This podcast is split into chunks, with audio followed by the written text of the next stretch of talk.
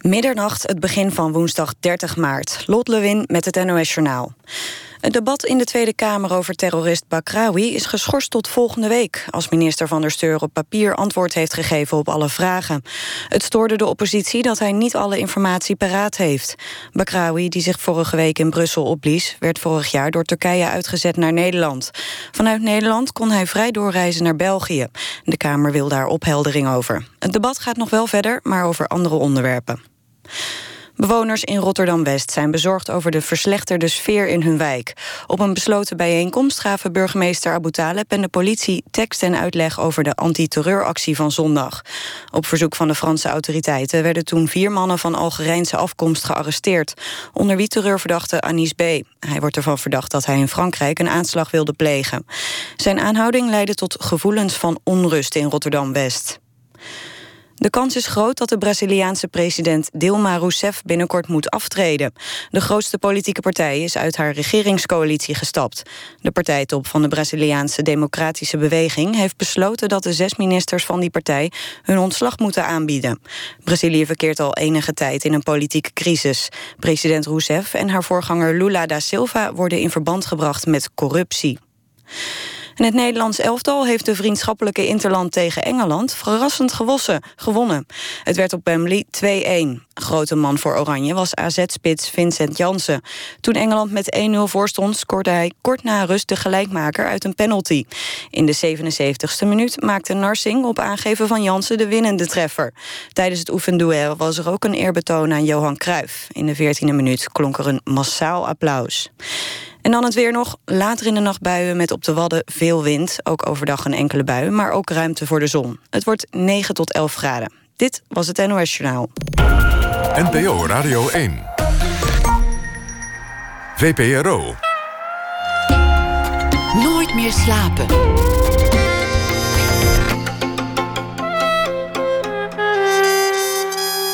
Met Pieter van der Wielen. Goedenacht en welkom bij Nooit meer slapen. Een nieuwslezer krijgt het te kwaad en kondigt tijdens de uitzending op zender zijn zelfmoord aan. Het wordt meteen een kijkcijferhit. Het toneelstuk De Zender, een herneming van een film uit de jaren 70. Een film van ver voor Big Brother en de commerciële televisie. Nu dus op toneel en acteur Rick Paul van Mulligen komt erover vertellen. Dichter Lambert Voos werkte ooit als vluchtelingenwerker, maar het beviel niet op alle fronten. Hij schreef er een boek over en daarover hoort u hem na ene. Don Duins heeft een verhaal. Hij zal de voorbije dag samenvatten. Maar we beginnen komend uur met Robert Haasnoot. Het laatste vaarwel is de titel van zijn nieuwe en zevende roman. Het speelt in het dorp Valkenburg, Zuid-Holland, tijdens de Tweede Wereldoorlog. Een dorp dat door verwarde Nederlandse soldaten tijdens de meidagen van 1940 onder vuur werd genomen. Robert Haasnoot groeide zelf op in een nabijgelegen vissersdorp Katwijk. Het dorp komt vaak terug in zijn boeken. Bij hem heet het dan vaak Zeewijk. Hij schreef er zelfs een trilogie over. Ook zijn vorige boek, Het Ruime Bed, over een strandend huwelijk, speelt zich in die regio af. Robert Haasnoot werd geboren in 1961. Zijn boeken zijn vertaald naar het Spaans en het Duits en ook op toneel gebracht. Hartelijk welkom, Robert Haasnoot. Dankjewel. Laten we beginnen met, uh, met Katwijk. Want daar ben je opgegroeid. Je bent geboren in de Verenigde Staten, maar opgegroeid in, in Katwijk. Katwijk, een, een vissersdorp waar toevallig ook uh, veel toeristen komen. Een heel gelovig dorp. En de gereformeerden die worden elk jaar op hun geloof getest door de horde goddelozen die op het strand komen liggen. Hoe is het om daar op te groeien? Nou, zo was het ooit. Uh, maar dan hebben we het over 40, 50 jaar geleden. Dat is geleidelijk wel veranderd. Uh, um, het is nog steeds een, een dorp, uh, een conservatief dorp, zeker. Hè? En uh, men weert ook um, hotels, alles wat de zondagsrust kan verstoren, nog steeds. maar de, laten we zeggen, wat de het bevindelijk gereformeerde deel van de bevolking neemt toch wel verhoudingsgewijs af. er komen in de nieuwbouwwijken veel meer mensen van buiten in Katwijk wonen. En die, die krijgen ook politiek meer invloed. En uh, dat heeft al gevolgen voor het dorp gehad. De laatste twintig jaar vooral. Het is niet meer zo gesloten als het vroeger was. Eerst kwam er de blauwe tram, die is inmiddels alweer weg. Toen kwam de televisie, toen kwam het toerisme. En langzaamaan kalfde die het, het internet, internet. Nou ja, noem maar op. Langzaam kalft dat af, dat, dat geloof. Maar Voor een echte katwijker is het toch nog vis en god. Voor heel veel katwijkers, uh, raskatwijkers, dus de Van Duins en de Van de Plassen en uh, Hoek, geldt dat zo. Ja, geldt dat. Um, nou ja, voor, mij, voor mijn familie ook. Ik, Haasnoot is een. Uh, is ook echt een Katwijkse naam. Echt een Katwijkse naam. Ja. Dat was dan de naam van je, van je vader, want je moeder was Amerikaanse ja. en raakte daar verzeld. Hoe ging dat? Mijn vader is um, uh, op zijn zeventiende is hij op de grote vaart gaan varen. En waar hij overigens nooit over vertelde. Hij kwam in Amerika terecht, uh, ontmoette daar mijn moeder. Die ontmoeting is trouwens, dat is ook een heel mooi verhaal. Mijn, vader was net een, paar weken in, in Amerika en sprak nog geen Engels. En stond bij een bushalte te wachten in downtown Patterson. En, uh, en zag daar een mooi meisje staan. En, maar wist niet hoe hij contact kon leggen met, met, met mijn moeder. En hij kende wel wat Engelse liedjes. Onder andere It's a Long Way to Tipperary. en dat begon hij toen te zingen. Waarbij hij mijn moeder heel nadrukkelijk aankeek en, uh, en zij mee begon te zingen. En zo is dat eigenlijk. Uh, is dat, uh, ja, ging, sprong er een vonk over kennelijk. En, en ze heeft de, de, grote weg afgelegd naar, naar Katwijk. Want dat, dat is ook een heel eind. Ja, dat, dat was toen. Ja, mijn, mijn moeder was um, toch gewend aan een, aan een zekere luxe. Hè. In ieder geval een koelkast. Ik weet nog wel. Mijn moeder vertelde dat wij de eerste waren in het gezin, uh, in de familie die een koelkast hadden. Dat was een beetje, dat was helemaal niet nodig. Je kon ook dingen in de schuur zetten. En mijn moeder wilde cola. En ja, dat, dat, dat was, dat, dat vond iedereen vreemd. Mijn moeder was ook katholiek. en streng gelovig katholiek zelfs. heeft dat, dat geloof in moeten ruilen voor het bevindelijk gereformeerde geloof van mijn vader. Wij waren lid van de gereformeerde gemeente. En voor insiders is, is bekend dat dat een. Uh, ja, de bevindelijke stroming, dat is à la Jan Siebelink en uh, Maarten het Hart. Die, die romans ken, ken, je dat waarschijnlijk. Dus voor mijn moeder was het, die, ja, was het een grote overgang. ze sprak de taal niet. Dat heeft, ze, heeft lang geduurd voordat ze dat onder de knie kreeg. Is dat daar makkelijk afgegaan om, om, om zich da daar te vinden? Of, of is het toch altijd een klein beetje blijven twijfelen over die keuze. Het, het, het, grote Amerika, haar eigen katholieke geloof en dan terechtkomen in zo'n gesloten gemeenschap en zo'n streng geloof. Dat weet ik niet, maar ik, ik, uh, er was weinig tijd om na te denken over dergelijke zaken. Want er kwamen vier kinderen en uh, mijn vader was fabrieksarbeider. Het was allemaal wat. Uh, ja, het, was allemaal karig. Hè. We, we, woonden ook naast een visfabriek. En, het, en het was echt alle zeilen bijzetten, letterlijk, om, uh, om het financieel rond te, te krijgen maandelijks. En, dus ja, over, over dergelijke zaken van ben ik nu wel gelukkig hier, had ze waarschijnlijk de tijd niet om, om na te denken. Maar ze zal ongetwijfeld, zal zich zo nu en dan wel hebben afgevraagd, had ik misschien niet een andere weg op moeten inslaan. Heb ik wel een goede keuze gemaakt. Maar dat weet ik niet. Ik heb het eigenlijk nooit aan haar gevraagd. En nu is het inmiddels, inmiddels is het zo dat ze niet meer terug zou willen. Ze is uh, uh, Amerika ontwend, uh, ontgroeid. Dat is ook zo lang geleden ja, inmiddels. zo lang, al, al, haar kinderen en kleinkinderen wonen hier. Dus, Bij jou is het wel altijd blijven lonken, Amerika. Je, je hebt wel iets met dat land. Ja, ik ben opgegroeid met de verhalen over Amerika. Voor mij was Amerika, daar was alles ehm, beter in die zin. Uh, het leven was luchtiger en, en, en grootser. En, uh, en dat maakte ik op uit de verhalen, onder andere van mijn moeder. Dus ik had al heel, vrij snel besloten, het was 12, 13 jaar, dat ik mijn school af zou maken en, en naar Amerika gaan. En dat heb ik toen ook gedaan. Op mijn 17e ben ik naar Amerika gegaan. Heb ik toen vier jaar gewoond. Maar ja, de realiteit was toch wel anders dan ik me vooraf had voorgesteld. Maar het was, het was ook een manier om weg te komen uit Katwijk. Misschien was Amerika was de grootste aantrekkingskracht op dat moment dat het heel erg Ja. niet Katwijk was. Ja, ja, ik denk dat, ik me, dat het heel goed is geweest dat ik dat heb gedaan. Dat ik me echt heb losgemaakt van. eh, ja, dat, dat zware geloof. wat, wat toch je leven eh doordrenkte. Eh, en eh, tegelijkertijd had ik, was het ook lastig om, als je dan weggaat. Je komt in, in- ineens in een. Ik kwam nooit buiten het dorp. Ehm, ben één keer in Engeland geweest eh, met een schoolreisje. Maar dat, ik kwam nooit, nooit naar Leiden twee keer per jaar als de kinderbijslag binnen was om, om kleding te kopen. En dat was het. Dus het was een, echt een cultuurshock. Ehm, en, maar het heeft me heel veel goed, goed gedaan uiteindelijk. Het heeft je ook geloven, help, geholpen om van het geloof af te komen? Want, want dat is min of meer gebeurd. Toch ja, dat was al eerder. Ik, denk dat ik zo'n zo'n 12, 13 was. Uh, toen begon ik vragen te stellen waar ik geen uh, helder antwoord op kreeg. En toen begon ik dat geloof wel ernstig in twijfel te trekken. En, uh, maar ja, die beelden en die dreiging zit nog steeds in je. Dat, eh, dat gaat ook niet weg, nu nog steeds. Nou, inmiddels is dat, is dat wel weg. Dat is, dat is weg. Maar ik weet wel, toen ik... een mooi voorbeeld is, ik was een jaar of 17. Toen ik naar toen ik naar Amerika ging en ik, en ik zat, uh, mijn oom nam me mee naar een voetbalstadion op zondag. En ik ging in dat stadion, uh, keek ik om me heen en ik zag 76.000 zielen voor de eeuwigheid. Die, en en die, die hoor, je hoort daar niet te zitten op zondag. Het is geen plek om God te ontmoeten. Dus ik, die komen, er, die komen er alvast niet door.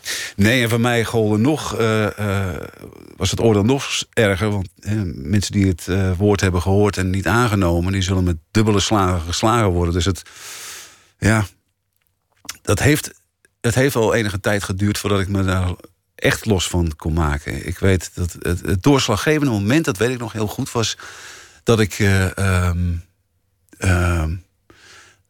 dat ik een, een, een een woedende gedicht schreef aan God. En, uh, en uh, ik ging toen naar bed en ik dacht van... nou, nu heb ik het echt uh, op scherp gesteld. En dit, dit is onvergeeflijk. En het gaf tegelijkertijd ook een enorme bevrijding. Van ja, goed, dan ben ik maar verdoemd.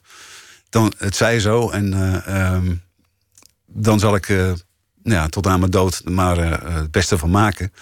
En genieten van het leven. En, Want over selectie gaat het allemaal in dat bevindelijke milieu. Je bent eigenlijk geboren als brandhout voor de hel. Ja. En, en daarna, God zal een heel klein percentage redden. Ja. Je krijgt ook na de dood, komt er een, een, een teken dat je bent gered. Maar tot die tijd is het gewoon heel goed je best doen, want hij ziet alles. En bij het minste of geringste gaat het grote feest in het hiernamaals niet door. Ja, het, het wurgende is, het is al van voor de fundering der wereld besloten... of je bent uitverkoren of niet. Je kan niets aan je eigen aan je oh, zaligheid toedragen. Ja, ook, ja. Het is, dat, is, nou ja, dat was exact het probleem wat ik had met het geloof. Die, die vraag ging ik stellen. De het probleem van de dubbele, zogenaamde dubbele predestinatie. Nou, als je stelt van God heeft van voor de fundering der wereld besloten... dat je bent uitverkoren of verdoemd. En daarnaast wordt je geleerd dat de mens geen vrije wil heeft. Hè, want zelfs het willen als het werken wordt in ons gewerkt... staat er in de Bijbel. Uh, ja, en hoe ver ben je dan nog zelf verantwoordelijk. En dan kun je met recht vragen stellen over de rechtvaardigheid van God. als, als God van de, al heeft besloten dat de zondeval... Uh, als, als God de zondeval heeft geordineerd... ja, hoe kun je dan Adam nog iets verwijten, of Eva? Uh, uh, het, is een, het is krankzinnig. Het is, je krijgt er ook geen, geen, geen helder antwoord op. En dat irriteerde mij. En, Toch moet er ook een tijd zijn geweest dat je, dat je het fijn vond. Want het maakte zo'n groot deel uit van de cultuur van je dorp en van, van je opvoeding. Als je, als je op zondag naar de kerk ging of van de kerk kwam... of als er gezongen werd of als er, als er iemand op het orgel ja. ramde... Ja, dat vooral. Als gezongen als werd. een verhaal vertelde, dan moet je dat toch mooi hebben gevonden. Ja, als, als wij zongen, hè, want deze God is onze God... dan was die van ons. Weet je, want die, die 150 mensen om je heen... Dat heeft wij hadden het. Wij hadden iets gezelligs, een clubgevoel. Ja, ja. Maar tegelijkertijd... Uh, je, moet je, je moet je zo voorstellen, je, je woont in een... Uh, in een dorp, in een, in een redelijk gelovig dorp. Uh, alleen jij behoort nog tot een, tot een, tot een groep, tot een geloofsgemeenschap. Met andere codes dan, de, de, dan, dan, laten we zeggen, wanneer je de, de voordeur open doet en, en, en het dorp inwandelt. Ja, we hadden ook gereformeerden en hervormden. En daar, ja, daar hadden we de indruk, die, die gaan het toch echt niet redden. dat is allemaal veel te makkelijk. Uh, te licht. Te licht, ja. Dus um, daar golden ook weer andere codes die je niet kende. Dus het was, uh, het was allemaal prettig en, en knus... zolang je binnen je eigen geloofsgemeenschap bleef, bleef, binnen je eigen gezin. Um, ja. Dus de wereld was vijandig, de wereld was gevaarlijk. Ja, de wereld was gevaarlijk. De wereld trok aan je. Die, die, die wilde je voortdurend verleiden tot, uh, tot zondige dingen. En je, zag, je voelde ook wel aan dat je, dat je maar wat graag die zonnige dingen wilde doen. En dat was je, je dagelijkse strijd. eh. Het gevaar zat in jezelf. ja, ja, Wat, wat was je geworden als je, als je gewoon gelovig was gebleven? Als je wel een antwoord had gekregen op die vragen? Of als iemand met een mooi verhaal je tot rust had gekregen... en je, en je had ervoor had gekozen om door te gaan in, in die cel? Ja, ik wilde, ik wilde heel graag dominee worden. en dat was ook wel... Zelf ik, spreken. zelf preken. En dat had twee redenen. Ik wilde eh, eh, eerst, nou ja, als je een, maar dan moest je wel een roeping, krijgen. En ik had bij mezelf, mezelf wel het idee, nou, eh, ik ben wel heel erg vroom en ik ben heel erg met deze zaken bezig. Dat was ik ook. De, de tekenen zijn hoopvol, in ieder geval. Dus ik dacht, eh, eh, dat zou best eens zo kunnen gaan. Dus als ik, als ik dominee was, dat, had ik dan wel graag gewild. Maar later ontdekte ik de muziek. En ja, dat- twijfelde ik of ik nou wel dominee wilde worden of organist. Eh, Toch, ja, orgel ja. is toch ook een heel kerkelijk instrument. Ja, ja maar, maar eh, eh, kijk, wij waren gewend in huis dat we. eh, ehm, we waren gewend aan, aan de, de psalmen, de kerk en, en, en verder niks. We hadden dan wel platen thuis, maar dat was dan. Urk zingt, Gene Muiden zingt, Kokkengen zingt. dat, Scheveningen zingt. dat werd wel afgezongen, maar allemaal psalmen, ook niet-ritmische psalmen. Tot ik, tot mijn moeder een, een, eh, ehm, een pick-up kocht en dan mocht ze een, een, plaat uitkiezen. En dan had ik al gevraagd of ze een plaat van Fijke Asma wilde uitkiezen. En dat had ze gedaan, had ze gekozen. En, en, en dat, ja, toen ik dat, die muziek hoorde, eh, ehm, nou, het was alsof het helemaal open ging. Het, wa- het was prachtig. Ehm, dus, en ik, ik heb later wel eens een interview gezet. Als ik, als ik, ik, als ik geen dominee was geworden, was ik organist geworden. Maar dan had ik de preek eh, achterwege gelaten. Ik denk dat er. eh, Bach meer eh, een betere predikant is dan, nou ja, laten we zeggen, een Spurgeon of zo. Of een, of een, of een Kersten, of noem maar, noem maar eens wat. Vandaar ook dat in, in jouw nieuwe boek een, een prominente rol is weggelegd voor Ja. een organist. En ook de, de, de stemmingen, de gemoedstoestanden in orgelstukken worden vertaald als het zo uitkomt. Ja, Dat ja. dat die, die orgelmuziek eh, een, een heel centrale rol speelt. Over, over dat boek wil, wil ik het straks hebben. Je schreef een, een boek dat, dat deels autobiografisch was, Het Ruime Bed. Waarin, waarin de vader er veel op uitging op de brommer. ja. Met, met een notitieblokje om de kilometerstanden bij te houden en, en, de, en de routes. En af en toe een checkie draaien in de berm. Ja. En er gewoon op uit. Toch een hang naar vrijheid is dat. Ja, dat had hij zeker. Eh, het is ook niet zo gek dat hij op zijn zeventiende eh, op de grote vaart ging. Maar mijn vader, ja, die zou tegenwoordig zeggen... hij had een autisme-spectrumstoornis. Hij was heel dwangmatig. En zijn grote, eh, het grote plezier was dat hij op een, dan met een brommer wegging... en, en dan om de paar honderd meter de kilometerstand noteerde... en, en, en, en icoontjes maakte van een kerk of een kruispunt. Of, en dan, dat noteerde hij dan de hele weg naar... dat we zeggen dat hij naar Wageningen ging op de brommer. En dan had hij de hele winter, om die hele routes die hij had afgelegd... netjes over te schrijven. En, dan, de hoofdletters deed hij in rood, de, klinkers in, in, in, groen. En eh, nou ja, dat is echt eh, het werk, denk ik, van een, wat een autist eh, zich op de hals haalt. Maar hij was dan erg gelukkig, dat zag ik ook aan hem. En in feite heb ik hem toch wel gekopieerd. Ik ben het ook gaan, gaan schrijven. Met- Maar de brommer vind ik, vind ik zo mooi, omdat het, dat het ook een soort bescheidenheid heeft. Het, het, is, het is Jack Kerouac on the road, maar dan Ja. op, op de brommer. En dan kom je misschien niet verder dan Heemstede, maar Ja, ik zag hem ook het genieten. gevoel is hetzelfde. Het grootste geluk was dat we, als we dan, eh, dat we zeggen, wat trek kregen. En dan, dan stopte hij en dan, en dan kocht hij een homp brood. Echt zo'n homp brood. En dat brak hij dan echt met zijn handen. En dan, eh, en dan smeren we er boter en suiker op. En dan zaten we in de berm, zaten we dan, eh, nou ja, te genieten met z'n tweeën. Dat en, dan, ja. en dan hoorde je even bij die man. Dan, dan waren Ja, jullie even ja. echt bij elkaar. Ja, we hadden nooit echt gesprekken. Die gesprekken gingen alle kanten op. En het was, ja, mijn vader was gewoon lastig om daar een gesprek mee te voeren. Maar dan hielden we ons monden en dan, en dan zaten we daar in de berm en dan hadden we het goed. Dat was heel mooi. Ja. Op een zeker ogenblik was jij niet meer gelovig. Dat, dat is toch vervelend voor ouders. Daarmee doe je hen verdriet. Zo zullen ze dat ongetwijfeld ervaren hebben. Ja. Nog later is ook je huwelijk gestrand. Je had een gezin, je, je had het je op de hals gehaald om, om vader te worden en met een vrouw te trouwen. En nou ja, dat alles dat stond stevig in de stijgers en je wordt verliefd op heel iemand anders. Nou ja, dat, dat overkomt heel veel mensen, maar hier was het wel probleem op probleem. En van het geloof en je vader op sterven en dan ook ineens verliefd buiten de deur. Ja, ik denk. Um... Althans, zo ging het in het boek. Ja. Ik denk dat het. Dat het als ik terugkijk. Um, ben, ik ben niet iemand die geschikt is voor het uh, huwelijkse leven. Dat is, dat is gewoon zo. En ik. Uh, Wie wel, vraag ik me wel eens af. Maar ja, goed. Ja, ja. ja, als ik om me heen kijk. Dan is het, ja. Um, maar ik ben niet daadkrachtig genoeg om, om, om, om dan ook in te grijpen. En dat kon ook niet. Ik, jonge kinderen en, en uh, dat was, ja. Maar op, op een gegeven moment was er de, de ruimte om dat, om dat te doen. En, uh, ik denk dat, dat um, het feit dat, dat het ineens zo slecht ging met mijn vader... dat ook een rol heeft gespeeld. Kwam allemaal tegelijk. En dat ik gewoon geen kant meer op kon. En echt moest gaan ingrijpen. Ik denk dat het ongeveer zo is gegaan. En, en ja, nee, ik geloof niet dat je dat mensen of zelden dat ze echt rigoureus een besluit nemen. Zo, zo werkt het niet. Het zijn allemaal kleine beslissingen die je neemt. Het al niet, of, of niet besluiten, dus ook een beslissing nemen. Waardoor je uiteindelijk toch maar één kant op, op, op gestuurd wordt. Denken dat je het kunt tegenhouden, ik... denken dat het overgaat, denken dat je het ja. kunt verzwijgen. Um, voorstellen om een tijdje een open relatie aan te gaan. Alle varianten zijn bekend. Ja, dat, nou ja, ik, ik voelde gewoon heel veel onvrede. En, en daar, kon ik, daar kon ik niks mee. Ik, en, en, ik, en ik moest er iets mee, dat, dat, dat voelde ik ook wel aan.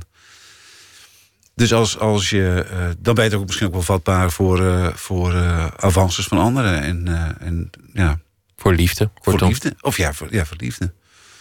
Wat niet wil zeggen dat ik niet van mijn vrouw hield. Dat is ook, is ook, was, er, was er op dat moment ineens toch weer sprake van, van schuld? Van iemand die meekeek? Van iemand die permanent jou veroordeelde? Niet iemand in je directe omgeving zoals je, zoals je, je vrouw of je vrienden... maar een, een onzichtbaar opperwezen die dan toch ineens over je schouder meekeek? Nee, nee, nee. Die, uh, nee. die was echt weg? Ja. Het, ik, uh, ik vond het triest dat ik, dat ik uh, dit mijn vrouw aandeed. En ik vond het... ik, ik begon het mezelf al geleidelijk en geleidelijk heb je het over een periode van een jaar of zo uh, meer en meer toe te staan. Uh, ik was niet zo ja, vernietigend als ik in het begin was. Uh, ja, misschien dat, is de liefde wel een heel erg sterke kracht die, waar je dan uiteindelijk toch niet. Niks tegen doet. Niks tegen doet. Het mooie is dat, dat het in het boek samenvalt met het schrijverschap. De, de man in het boek die schrijft een boek. Dat, dat gaat ook over een spiegel. Het is ook een soort reflectie op zijn eigen gedachten, dat boek. En de verlatene, zijn vrouw, die wil dat boek op een zeker ogenblik tegenhouden. Het is niet eens maar een keuze voor of, of tegen het huwelijk, of voor of tegen de nieuwe liefde. Het wordt ook een keuze voor het schrijverschap. Ja. Om zichzelf echt schrijver te noemen en om rigoureus die keuze te maken om dat te gaan doen, om dat als beroep te kiezen. Ja. Nou, ik moet, ik moet dit opmerken, dat, dat heeft mijn ex-vrouw echt nooit gedaan. Die heeft mij nooit. Uh, ik, heb het haar, ik heb haar de roman laten lezen. Ik heb ook gezegd van als er dingen in staan die, die je echt storend vindt. Maar zij zei ook, uh, ja, jij bent, dat, jij bent romanschrijver. En, en dat, dat had ik eigenlijk wel van tevoren kunnen weten dat zoiets zou kunnen gebeuren. Dus er is ook geen letter aan, aan veranderd.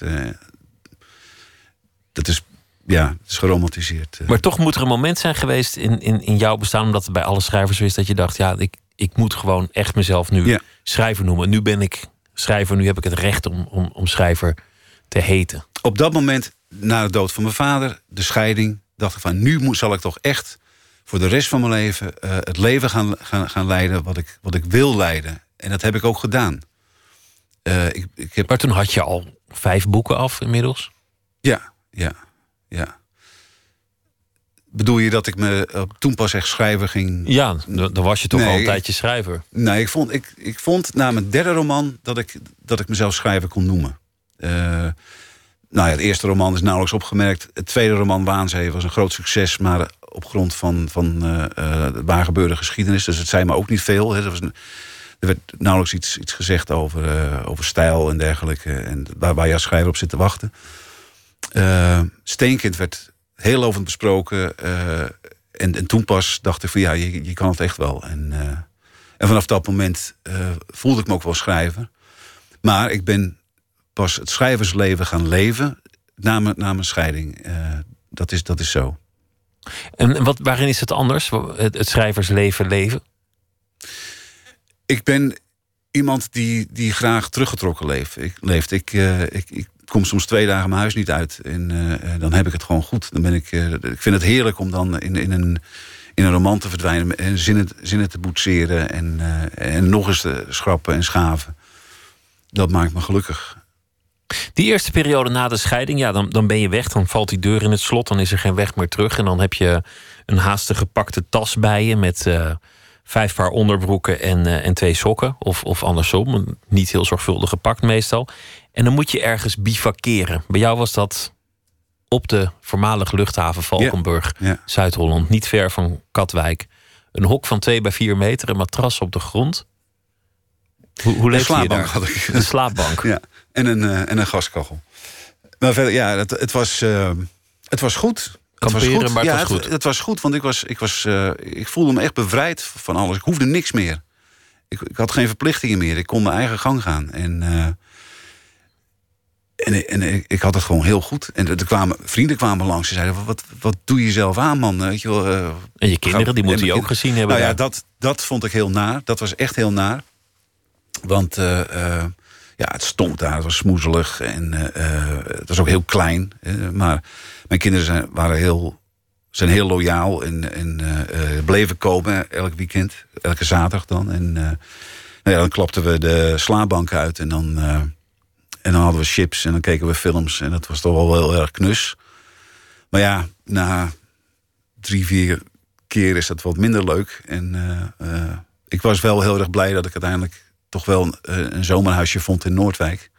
Met een douche erin. Met een douche erin, ja. Dat was de eerste keer douchen, weet ik nog wel. Maar, want ja, voor douchen moest ik... Uh, of voor water, als ik water moest hebben... Ik, uh, dan, ging ik naar mijn, naar mijn moeder en daar douchte ik. En dan, en dan vulde ik uh, vier, vijf liter flessen cola... cola flessen met, met water. Zo, zo, zo ging dat. Ja, dat klinkt... Achteraf, achteraf denk ik, hoe heb ik dat, hoe heb ik dat kunnen doen? Maar in die tijd vond ik dat, uh, vond ik dat prima. Omdat je vrijheidje toch meer waard is dan je comfort. Zeker, zeker, ja, ja. Het bracht ook een mooi verhaal op je, op je pad. Namelijk, uh, nou ja, het is geen mooi verhaal, maar een, een bijzonder verhaal. Ja. De geschiedenis van Valkenburg, Zuid-Holland... tijdens de meidagen van 1940. Laten we eerst gaan luisteren naar Gregory Porter... met uh, het nummer Don't Lose Your Steam. Sitting on the top of the roof, the bridge is on mine. Steam engines roll by, the bridges fall down, and so do my dreams. Oh, you hear me calling your name. The bridge is your time, your engine rolls hot. If the bridges fall down, don't lose your head of steam. Young man,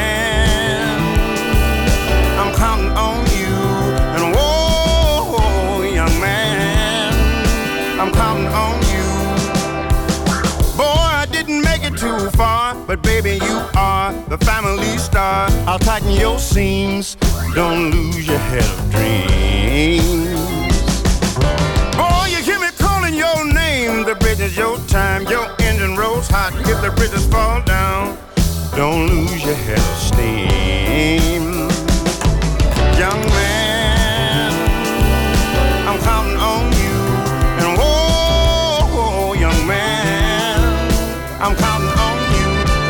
to the other side.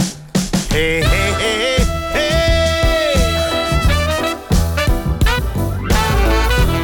Mm-hmm.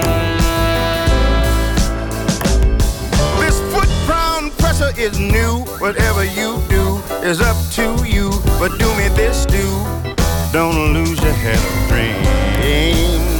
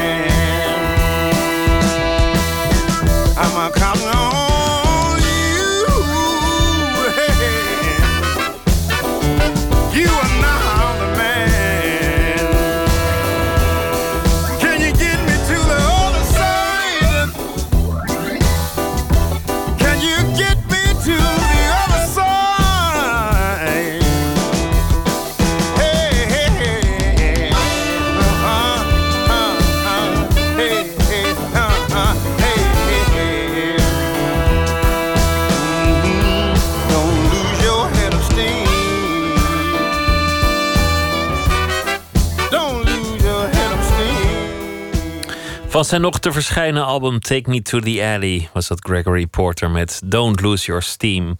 Tegenover mij zit Robert Haasnoot vanwege het nieuwe boek Het Laatste Vaarwel. Na de echtscheiding belandde je in een tijdelijke woonruimte waar je min of meer kampeerde op de voormalige luchtmachtbasis Valkenburg, een uh, voormalig militaire luchthaven. En daar was je eigenlijk wel gelukkig. En toen kwam er een uh, geschiedenis op je pad, namelijk het dorpje Valkenburg tijdens de Tweede Wereldoorlog. Valkenburg is een kleine gemeente, zeker in die tijd een kleine gemeente. Er werd vroeger altijd een grap over gemaakt dat het geen bushalte, maar wel een vliegveld had. Toen ging het vliegveld ook dicht. Wat is er gebeurd in Valkenburg in de Tweede Wereldoorlog? En hoe kwam het op je pad? Laten we met het laatste beginnen. Wanneer hoorde jij voor het eerst dat, dat verhaal? Nou, dat hoorde ik al. al denk, nou ja, voor het eerst hoorde ik van het verhaal van mijn vader. Mijn vader vertelde dat uh, de Duitsers de kerk in, in brand hadden gestoken. Met de mensen erin. Dat was zijn verhaal. Dat, dat, vond ik verschrikkelijk. Uh, dus dat nam ik voor waar aan. Dat heb ik lang geloofd. Tot uh, in 2000 of 2001 kreeg ik uh, op de receptie bij de uitgeverij een, sprak ik Bertie van der Meij. En die was op, opgegroeid in, in, in Katwijk. En ehm, zij stuurde me later een ooggetuigenverslag van een, van een meneer De Zwart... die uh, tijdens die meidagen met een grote groep mensen had geprobeerd... het dorp te ontvluchten. En toen uh, beschoten werd door Nederlanders uh, met mortiergranaten. Er, zijn, er werden toen ze, zeven mensen getroffen, dodelijk getroffen. Waren gewonden. Ehm, uiteindelijk vluchten ze in een boerderij. hebben daar drie dagen van vreselijke ontberingen meegemaakt. Het, uh, gewonden, het stonk, er was geen eten. Uh, nou, dat werd allemaal heel, heel, heel uh, levendig beschreven. En, ehm, en dit was heel verpand. Hij maakte melding van het volgende: dat um, um, na drie dagen verscheen er opeens een, een, een, een panzerwagen, Nederlandse panzerwagen. En die soldaat keek naar het huis zag, dat heb ik achteraf begrepen, het Rode Kruis-embleem. Draaide de loop en, en, joeg nog eens een uh, mortiergranaat door die, door, het, door die boerderij. Met nog twee doden tot gevolg.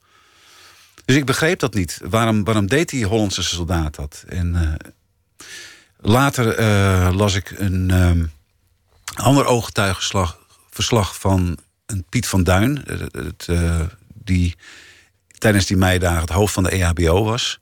En die vertelde uh, over um, uh, hoe de Nederlanders het noodhospitaal had bestookt met 200, uh, 200 gewonden. En de gruwelijke dingen die toen gebeurd zijn. De doden die, die, die vielen. Het, het, noodhospitaal is ook aan gort geschoten door de, door de Nederlanders. Nou ja, ik ben me later wat, wat meer gaan verdiepen in het verhaal. En vooral omdat het. Uh, de situatie dat je niet weet wie je vriend en wie je vijand is, is natuurlijk voor een is natuurlijk heel boeiend. Uh... Tegenwoordig zou dat Friendly Fire uh, heten. Een kleine stap terug. Valkenburg was een vrij verarmde gemeente in de jaren 30. Het was ook nog crisis. Iedereen was verarmd, maar in, in dat dorp ontbrak het eigenlijk aan, aan goede inkomsten. Dus toen het plan kwam voor een vliegveld, was iedereen in, in de wolken. Werkgelegenheid. Zo'n heel goede vliegbasis was het aanvankelijk niet, want de grond om de landingsbaan heen die was te drassig naar verluid. Dus, dus die vliegtuigen die, uh, konden net zo makkelijk in, in, in de bagger verzanden en nooit meer opstijgen. Het is natuurlijk legitiem dat de Duitsers daar bij de inval allereerst uh, bommen wilden gooien of de boel wilden innemen. Want een, een luchtmachtbasis is gewoon een legitiem doel. Dat moet je als eerste uitschakelen. Dat is aanvankelijk, naar ik aanneem, ook gelukt. Ja, ze, uh, dit is het verhaal. Ze, ze hebben de Nederlanders echt overrompeld. Die zagen het niet aankomen. Ze hoorden de vliegtuigen wel overvliegen, maar ze die vlogen nog naar, over de Noordzee een stuk en keren toen om en lieten toen twee of drie bommen vallen, waarbij uh, een aantal soldaten zijn, uh, is gesneuveld. En nou, het merendeel vluchtte direct. echt, nou, ik denk dat er 400 uit mijn hoofd 420 uh, soldaten daar gelegerd waren. En, en uh, ruim 300, zoiets van 350 hebben zich bijna onmiddellijk overgegeven. Ze stonden ook langs de weg Duitsers aan te houden. Uh, en die verwezen ze weer door naar het dorp. En moesten zich melden bij een garage. En overigens was het heel erg verstandig dat die soldaten eh, zich hebben overgegeven. Want ja, ze waren nauwelijks getraind. We hadden, hadden ja, haperende geweren en het, het was allemaal erbarmelijk.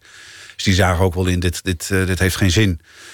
Uh, een deel is toen gevlucht uh, de duinen in. En heeft zich later aangesloten bij de oprukkende troepen vanuit Katwijk en, en, en Sassenheim. Um, zo, is, zo is het eigenlijk begonnen, de oorlog voor Valkenburg. De heerste chaos, want de Nederlanders die, waren deels overrompeld, deels slecht getraind. Sommigen hadden zich overgegeven, anderen niet. Er was chaos, er was niet duidelijk wie nou uh, het commando had. Uh, de centrale instructies die ontbraken. Het werd kortom een bende. Dit is niet alleen gebeurd daar in Zuid-Holland, maar op meer plekken in mei 1940 werd het soms wat chaotisch. De Ja. ene helft gaf zich over en de andere helft ging ten aanval. Nou ja, ik kan het natuurlijk niet over andere, dat heb- daar heb ik me niet in verdiept. Maar wat Valkenburg betreft is het, eh, is het zo dat eh, ehm, al vrij snel werd het dorp omsingeld door, de Nederlanders. Het vliegkamp werd ook heroverd op de Duitsers, tenminste op de overgebleven Duitsers. Die eh, en eh, eh, vervolgens werd het dorp onder vuur genomen door, door de Nederlanders. Ehm, en, het verergerde op het moment dat de Duitse commandant het dringende verzoek deed aan de, aan de Nederlandse legerleiding om toch vooral de gebouwen met het embleem van het Rode Kruis te ontzien. En de Nederlandse le- ne- legerleiding dacht: eh, oh, eh, kennelijk eh, verschansen ze zich daar in die gebouwen. Die geloofde het niet. Die geloofden het niet. Nee, en, en die hebben toen. eh, ehm, nou ja, om te beginnen hebben ze de kerk onder vuur genomen met 300, ruim 300 eh, krijgsgevangenen. Nederlandse, Nederlanders dus, let wel. Eh, ehm, er waren Nederlanders die ook naar de toren klommen en, en, en nadrukkelijk met, de, met het Rode Kruisvlag zwaaiden. Maar die werden onder vuur genomen, want, want daarin zagen ze eh, ja, of Duitsers in Nederlandse uniformen. Want dat, dat, dat moet ik ook bij vermelden. Eh, we moeten wel in ogenschouw nemen dat. eh, het was een overspannen toestand. Er deden allerlei geruchten de ronde over, over Nederlanders, of over Duitsers in Nederlandse uniformen. over een vijfde kolonne van landverraders wat actief was. Dus was allemaal heel erg overspannen. angstig ook, waren, waren de soldaten uiteraard. Dus die, eh, ja, die, die zullen ongetwijfeld in die soldaten op de toren eh, Duitsers hebben gezien. En, en hadden geen enkele moeite om, om, die, om die kerk dan ook. Als je ervan uitgaat, er, zitten heel veel, er zullen ongeveer heel, veel Duitsers eh, zich verschanst hebben daar. Om die kerk vervolgens eh, aan gort te schieten. Waren ook slecht getrainde, overspannen jonge mannen in een zekere mate van paniek. Maar nu, Nou, nee, die soldaten kunnen niets verwijten. Het zijn de officieren. Die, hebben, eh, ja, die waren volstrekt incompetent. En, eh, en vooral eh, als je je verlaagt tot, tot een bevel om, om, om een school met, met, met gewonden onder vuur te nemen. Stel dat er Duitsers in zaten, dan nog. maar nou kom, kom je in de situatie dat een klein dorp een groot oorlogstrauma heeft. En dat oorlogstrauma is aangericht door de eigen mensen. Dan is de oorlog voorbij. De bevrijding is geweest. Mensen willen eigenlijk al niet omkijken. Ze willen verder. En dat verhaal dat zit nog in die gemeenschap. En je kunt het eigenlijk nergens kwijt. Want niemand wil slecht horen over, over de eigen manschap. Het past niet in de sfeer van bevrijding en nationale vreugde. Ja, Hoe- hoe is dat gegaan? Ja, als Valkenburgers dus eh, eh, bijvoorbeeld in omgang met Katwijkers... of zodra ze het dorp, eh, buiten het dorp kwamen erover begonnen... dan werden ze eh, voor, eh, voor Duits gezinden gehouden. Dat, over de Duitsers mocht je niets goeds meer zeggen. En dat is ook wel begrijpelijk. Hè? Na, na vijf jaar bezetting en een hongerwinter... ja, dan wil je niet, niet, geloof ik, niet veel goeds over Duitsers horen. En, en ja, je wilt ehm, het Nederlandse leger, het handelen van het Nederlandse leger, wil je het liefst in een soort in een heldhaftige gloed zetten. Eh, dat is wat ze ook hebben gedaan, jarenlang, decennia lang. Dus over, over eh, ja, die, die oneervolle bevelen van, van, eh, van Nederlandse officieren, daar werd niet over gesproken. Je hebt er niet zonder meer een, een geschiedenisverhaal van gemaakt. Je hebt ervoor gekozen om, om het een, als achtergrond te laten dienen voor een roman. Je hebt echt personages hun eigen verhaal laten meemaken. En dat is een liefdesverhaal. Het is Ja. iemand die in die dagen smoor verliefd wordt, maar uiteindelijk niet op dat moment echt durft te kiezen voor die liefde. Het leven loopt anders. Het trauma blijft. De liefde die wordt nooit geplukt. En het verwijt, de wrok en de vragen blijven in zo'n gemeenschap zitten. De schaduw van de oorlog ook. Hè? Ah, hangt over, over die liefde. Dat is, uh... Ja, in eerste instantie uh, wilde ik me beperken tot... Uh... Nou ja, ik had wel een liefdesgeschiedenis voor ogen... maar meer, ik wilde meer vertellen over, over wat er in Valkenburg was gebeurd. Maar ik kreeg het gewoon niet goed op papier. Het was... Um, ja... Um, het, het was een roman met een op, opeenvolging van gewelddadige scènes. En, en als lezer word je al na, na zo'n 40, 50, 50 bladzijden word je mur van, van al dat geweld. Dus ik heb het, uh, daar heb ik, had ik toen al, omdat het zo, zoveel moeite kostte om het goed op papier te krijgen. Ik had echt een zintuigelijke roman voor ogen. Ik wilde echt verdiepen in, in, uh, in, uh, in het gevoelsleven van iemand die, die, die bedreigd wordt van, en zijn leven niet meer zeker is. Hoe neem je dan waar? Hoe ruik je dan? Hoe, hoe, zie je dingen? Wat, wat zie je? Um, en dat werd een, een falikante mislukking, die roman. Dus ik heb, ik heb het. Ik zag, ook in waar, waaraan, ik zag ook waaraan het schortte. Ik wist ook wat ik eigenlijk wilde vertellen. Vooraf, voordat ik aan de roman begon, had ik al heel sterk die, die liefdesgeschiedenis voor ogen. Maar het is een, die raakte meer en meer uit het zicht hoe gaandeweg het schrijven van de roman. En, en toen ik zag ja, uh, dit, is, dit, dit wordt gewoon een zieloos boek. Uh, toen pas keer ik terug naar het oorspronkelijke idee... en heb ik me geconcentreerd op, uh, op die liefdesgeschiedenissen. Het zijn meervoud, hè. het speelt zich af... Uh, een geschiedenis in 1940, maar ook in 1968. Ja, en toen begon het boek te leven. Toen kreeg het spanning. En het werd ook een heel ander boek. En, en toch gaat dus... het weer, want, want dat, is, dat, dat is dan een thema in je eigen leven over die liefde die je niet zomaar. Je, je kunt het wel doen. Wat, wat als je die liefde negeert? Wat als je een grote liefde tegenkomt en je, je laat hem gaan? Of, of de tijd is er niet rijp voor? Dat blijft toch doorzweren. Dat blijft, blijft toch te groot om zomaar te laten gaan. Ja, nou ja. Um, het, iemand had het boek gelezen en die, en die, en die meldde me dat. Uh, uh, die was er heel positief over, omdat de, de hoofdfiguur eindelijk handelend optreedt. Uh, dat het een optimistisch boek is uiteindelijk. Uiteindelijk wel, ja. Nou ja, het is maar hoe je het leest. Ik kan natuurlijk niet... Uh, want het, we gaan nu richting plot en daar moeten we heel voorzichtig mee omgaan. Ja, laten we dat maar, niet doen. ja, het is hoopgevend. Het, het, is, het is iemand die is lam geslagen... zijn hele leven tot niets komt eigenlijk. ja, hij richt zich op, op, de hoofdfiguur is een organist en hij, hij stort zich op, op de orgelstudie. Maar hij vergeet te leven. Hij kan niet meer leven. En um, aan het eind van die liefdesgeschiedenis neemt hij een besluit. Hij, hij, hij, hij, die apathie die hem zijn hele leven al bevangt, werpt hij af. En hij, hij, hij komt eindelijk tot, tot handelen. En meer moeten we er niet over zeggen. Meer moeten, moeten we er niet over zeggen. Laten we gaan luisteren naar uh, een New Yorkse zangeres Sharon Van Etten met een nummer I Always Fall Apart.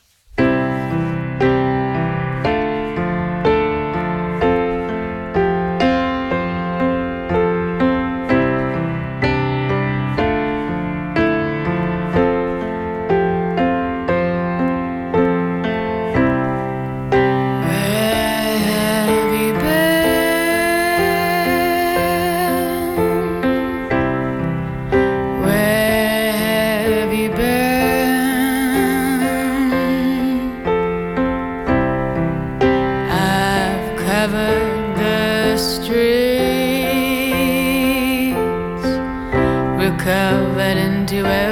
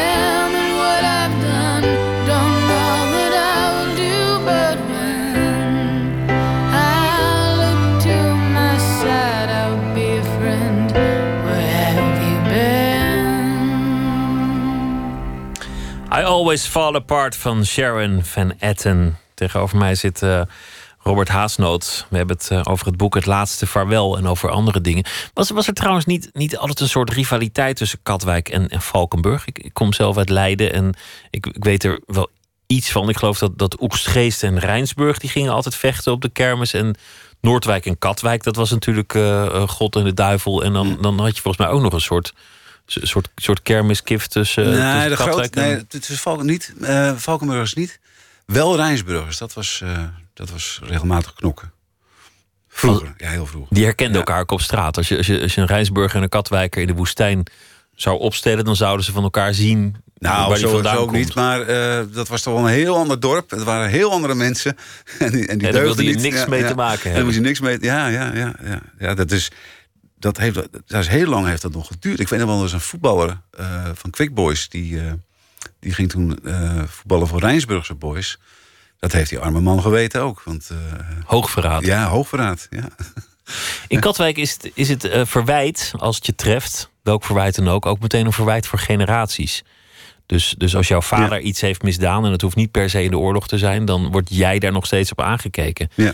Dus, dus eh, nou ja, jij bent dan, dan, dan weggegaan bij je gezin of zoiets. Dan zouden jouw kinderen daar nog op worden aangekeken. En Nee, dat is niet meer zo. Dat is niet meer zo, maar vroeger was vroeger dat- wel, ja. het verwijt ja. trof, trof eh, een lange lijn. Ja, als was ik, erfelijk. Ja.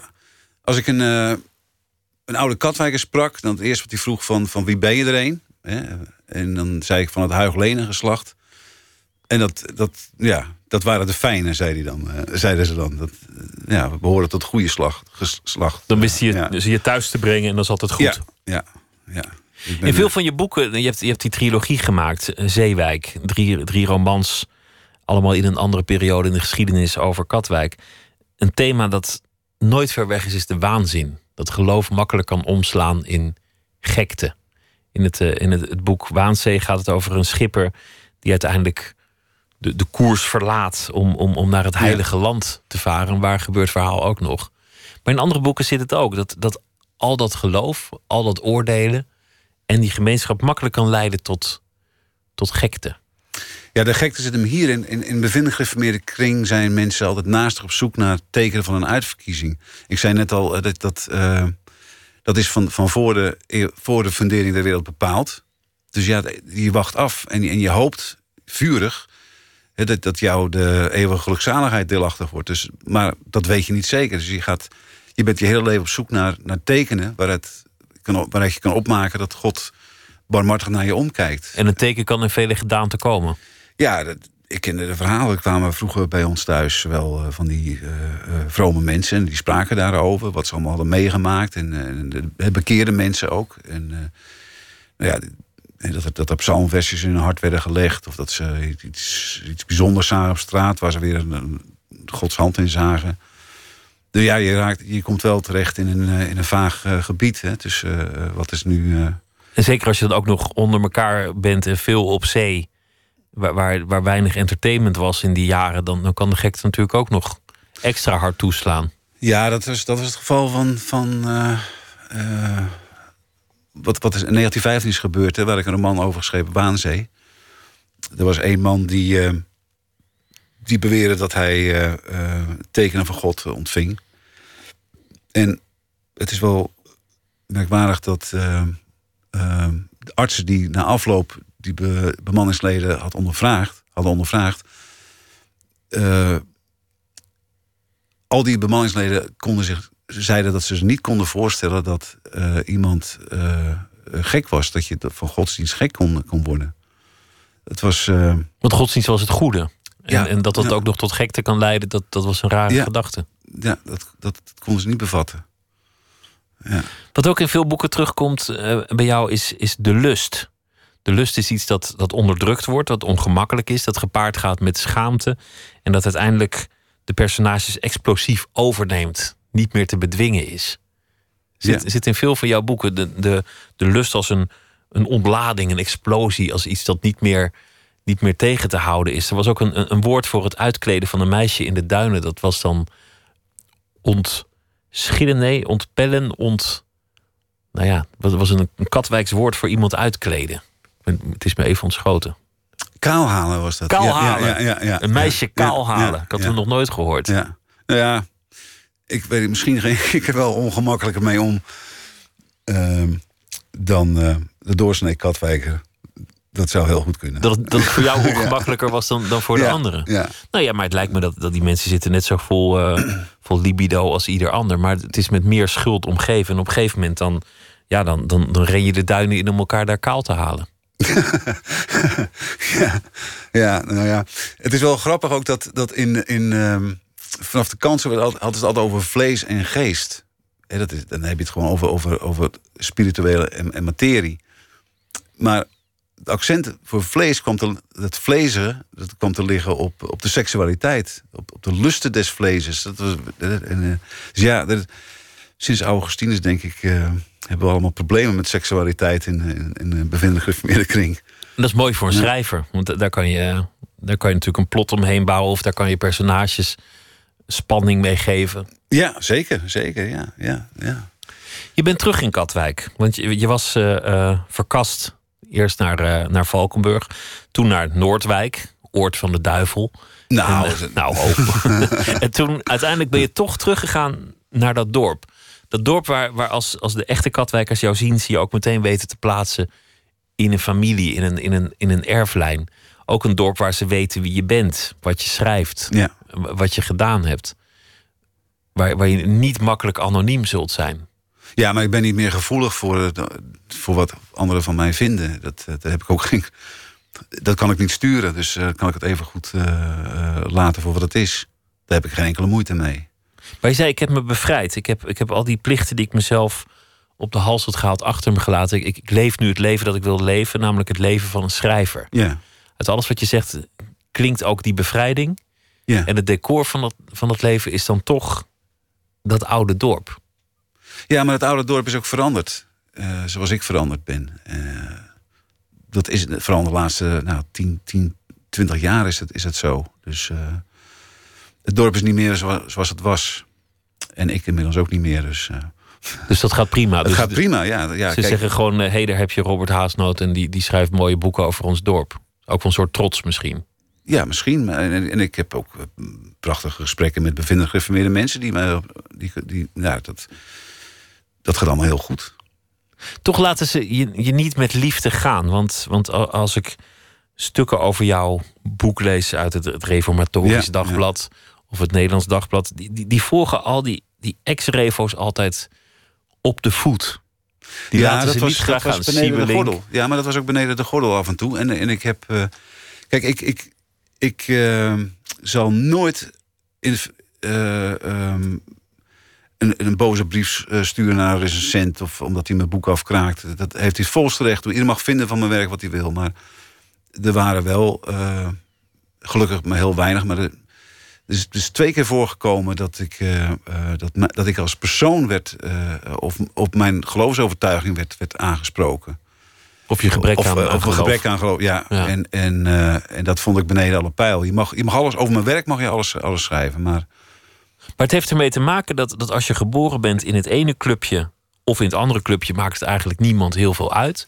Maar zodra je van clubje gaat wisselen, dan vinden mensen, vinden mensen je toch een beetje een, een, een, eh, een nestbevuiler op de een Ja. of andere manier. Je, je- dat, dat ik niet in God geloof, vindt niemand erg. Maar dat jij er niet in gelooft terwijl je ermee bent opgegroeid, dat wordt je toch niet helemaal vergeven. Ze zullen je toch blijven volgen, want ze zien je ergens nog steeds als een van, van hen, kennelijk. Nou ja, ik, ik herinner me dat er, dat was toen met Waanzee was een forumdiscussie in Katwijk. En eh, er werd heel heftig op gereageerd. En, en, en ik zag allemaal boze blikken. Maar ik zag ook heel, heel vriendelijk. Het was, was nog een tweedeling in het publiek. Het ene deel wilde, eh, wilde dat dominee... Want het was een forumdiscussie met een, met een predikant. En, en, en ik en een ouderling. En, eh, en, de ene helft wilde dat die dominee mij eh, de les zou lezen. En het andere deel, het ging er al heel heftig aan toe. En, en ik verbaas me over die hele boze blikken. En, en, en een, een, goe- een goede vriendin eh, psycholoog. En, en die, dat zei ik ook tegen haar. Van, waarom is dat? En ze zei, ze zei zo ja, ze zien in jou iemand die het, die het geloof de rug heeft toegekeerd...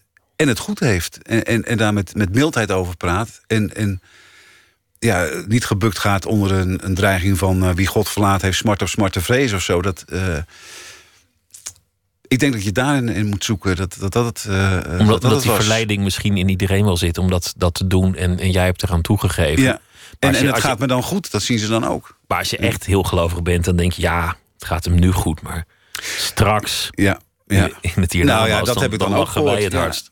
Heb wel eens een anonieme brief van... eh, jij hebt ook een ziel voor de eeuwigheid. En eh, straks, straks kom je voor de rechterstoel van Christus. En eh, ja, dat is een soort eh, eh, alvast eh, gniffelen om, om, je, om je eeuwige verdoemenis. eh, die eh, wacht maar tot je, tot je de laatste adem hebt uitgeblazen. Dat was, dat gaat, er zit heel, er zit heel veel wreedheid in.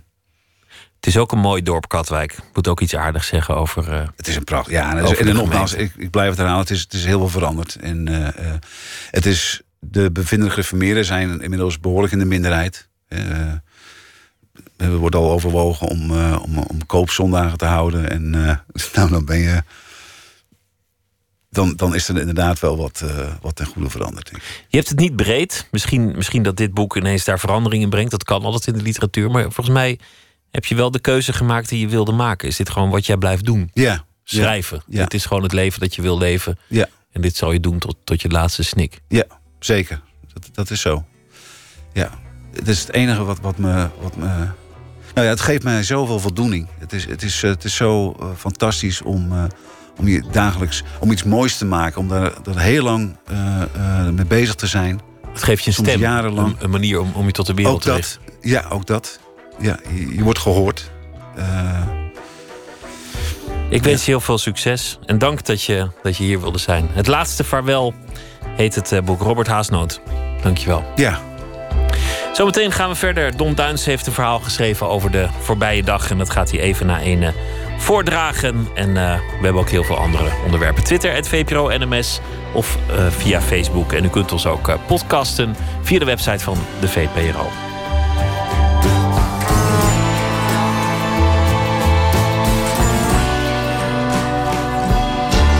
Op Radio 1. Het nieuws van alle kanten.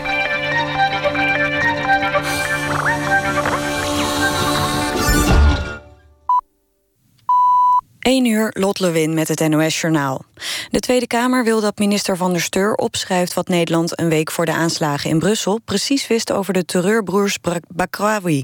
Gisteren werd bekend dat de FBI rond die tijd... Nederland had gewaarschuwd dat de broers werden gezocht... vanwege onder meer jihadisme. Nederland wist toen ook dat Ibrahim Bakrawi... vorige zomer op Schiphol was aangekomen... nadat hij door Turkije was uitgezet. De oppositie vindt het onbegrijpelijk dat Nederland niet heeft geprobeerd... om hem op te sporen. De Kamer praat volgende week verder over de kwestie... als Van der Steur zijn feitenrelaas klaar heeft.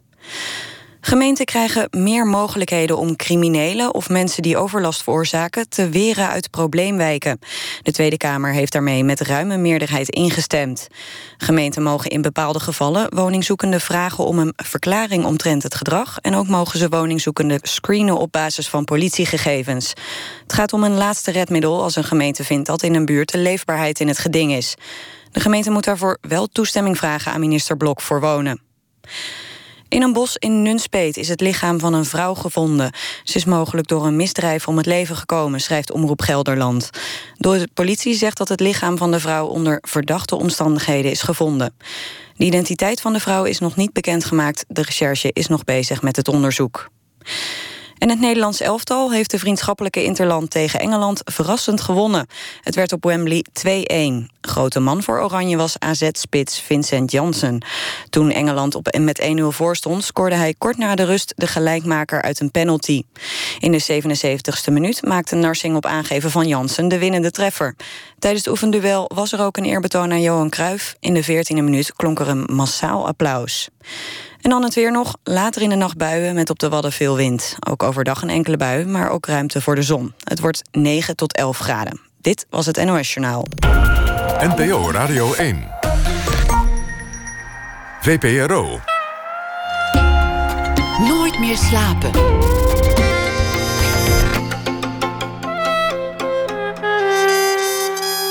Met Pieter van der Wielen. De Groningse dichter Lammert Voos werkte in de jaren 90 met vluchtelingen. En hij beschrijft die ervaringen in het boek Abdul en de anderen. Verder komt uh, acteur Rick Paul van Mulligen langs... naar aanleiding van zijn rol in De Zender. Een theatervoorstelling waarin een nieuwslezer het te kwaad krijgt... en in opstand komt. We beginnen met Don Duins. Hij is schrijver voor theater, televisie en andere gelegenheden... zoals een boek. En hij zal deze week elke nacht... De voorbije dag samenvatten in fictie. Don, goeienacht. Goeienacht, hallo. Vertel eens, wat, uh, wat heeft de dag gebracht? ja, eigenlijk een beetje loskomen van die hele paasluiheid. Dus ik heb mijn fiets weggebracht, ik heb van alles geregeld. Ik heb de Interland nog gekeken, Nederland-Engeland. En uh, nou, ik weet niet of dat heel erg actief is, maar ik, ik heb het gevoel dat ik weer een beetje wakker word. Dus dat bracht de dag voor mij. Ja, en dat nieuws over de, de FBI vind ik dan ook wel weer stiekem spannend eigenlijk. Dat ze zo'n telefoontje ineens wel kunnen kraken, bedoel je? Nee, dat, dat Nederland er maar daar blijkbaar misschien weer niet genoeg naar geluisterd heeft over die broers. Oh, oh dat nieuws, ja. Ja, dat uh, ben benieuwd wat daar nog uitkomt en wie daarover gaat struikelen. Al dan niet. Maar ik zou zeggen, luister er gewoon naar. Ja, en dat ze dan de Belgen bellen met, met informatie over terroristen... maar er niet bij zeggen dat het, dat het van de FBI komt. Dat is volgens mij ook een beetje ijdelheid van die Nederlandse geheime dienst... die ook eens wat weet. En dat die Belgen dan niet luisteren omdat er niet bij was gezegd dat het van de FBI kwam. Dus dat ze dan kennelijk ook denken als het niet van de FBI komt... dan zal het wel niet waar zijn. Ja, dus wat dat betreft zijn het wel vreemde tijden. Maar mijn dag was uh, prima. Mooi. Hoewel, daar gaat mijn verhaal over. Oké, okay, ga je gang. Retour afzender. Vandaag. Ik sta bij de bladenzaak op de hoek met een zware doos in mijn handen. Het huilen staat me nader dan het lachen. Dit moet ik even uitleggen. Al een jaar lang was de ontvangst van mijn tv zeer matig en had ik een veel te duur abonnement. Via een alleraardigste juffrouw van de telefonische hulpdienst van de kabelaar heb ik een nieuwe mediabox besteld en die laten installeren. Heerlijk. Ik kan weer Netflix kijken, de BBC, Arte. Ik heb nu zelfs 100% Hindoe tv. Dat nieuwe kastje is top. Maar dan zit je nog met de oude box en de oude afstandsbediening. Die wil het kabelbedrijf graag terug, anders krijg je gedonder en zware boetes. Tuurlijk, dacht ik. Ik, ben, ik breng dat ding wel even naar een verzendpunt.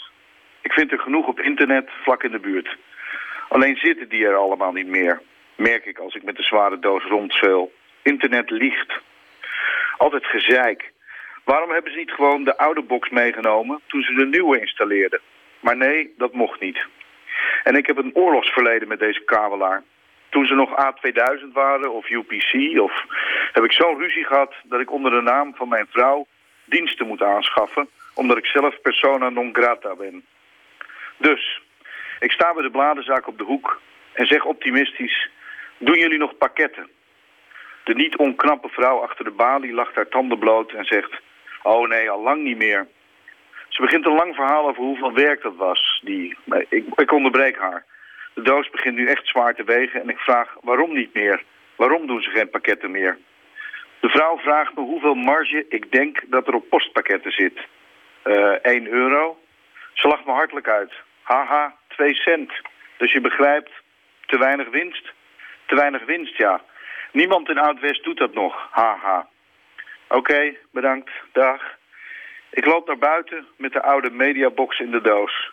Het begint eerst zacht te regenen, dan harder. Terwijl het water over mijn gezicht stroomt, komt de reactionair in mezelf omhoog. Mijn innerlijke Hans Wiegel, mijn mentale Winston Churchill. De wereld verandert, denk ik bij mezelf, maar niet de goede kant op. Ik wil terug, postbodes in pakken, die fluitend driemaal daags de post rondbrengen, platenzaken, dvd-winkels, gezelligheid op straat. Verdomme, ik begin zelfs terug te verlangen naar de V&D en die is net pas weg. Ik sta daar met de doos onder mijn armen en bedenk dat er nog maar één ding is dat ik kan doen. Ik bel mijn vrouw, die even later op de fiets de doos komt oppikken. Er is nog één papierwinkel op de Rozengracht waar ze pakketten aannemen. Als mijn vrouw met de oude box in haar bagagetassen wegfietst, valt er een last van me af. Vooruitgang. Laten we er in godsnaam mee stoppen voor het te laat is. Zeer herkenbaar. En wat een, uh, wat, een, wat een verschrikkelijke dag heb je eigenlijk gehad. Ja, het is een kleine odyssee in Oud-West. Ja, waar kan je nog een pakketje wegbrengen? En dan, en dan moet dat weer naar zo'n... Nou, goh, ja, dan moet dat kastje weer terug. Meer. Ja, ja nou, als je dat niet doet, nou, dan heb ik echt eh, vroeger al ellende mee gehad. Maar toen kon je tenminste nog ergens kwijt. Maar nu is het... eh, er zijn grotere problemen, dat geef ik toe. Maar ik wou toch ook het kleine leed niet onberoerd laten in deze rubriek. Nee, en onder het mom van vooruitgang wordt veel moois kapot gemaakt. Dat blijkt maar weer. Ja, Don, dankjewel. Een hele goede nacht. En eh, morgen graag weer een eh, verhaal. Dankjewel. tot morgen. Dag. 1 april verschijnt Are You Serious? Van het, eh, dat is het nieuwe album van de Amerikaanse zanger Andrew Bird. Op een vooruitgestuurd nummer heeft hij een duet gezongen met Fiona Apple. Left-Handed Kisses. I don't believe everything happens for a reason. To us romantics out here, that amounts to high treason. For your star-crossed lover. In the heart of a skeptic, there's a question that still hovers near. For it begs the question, how did I ever find you? Now you got me writing love songs come and refrain like this one here.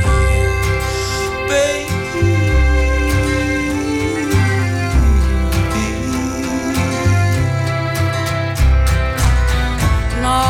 all your left-handed kisses were just prelude to another, prelude to your backhanded love song, baby.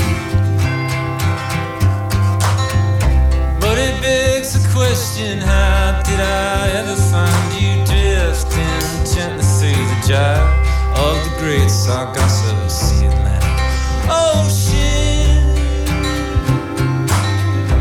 Got me writing love songs with a common refrain like this one here.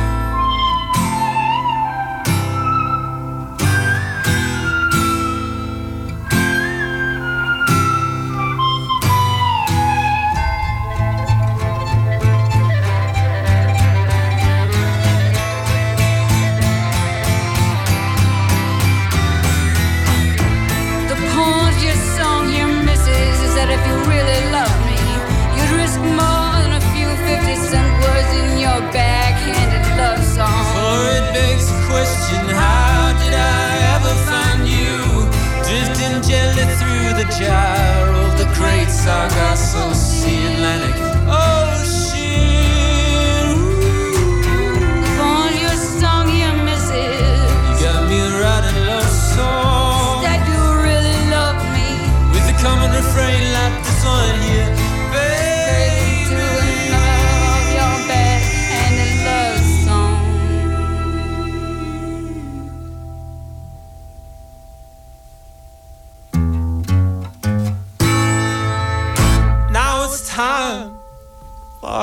handsome little bookend. Now it's time to tie up all the loose ends. Am I still a skeptic? Or did you make me a believer?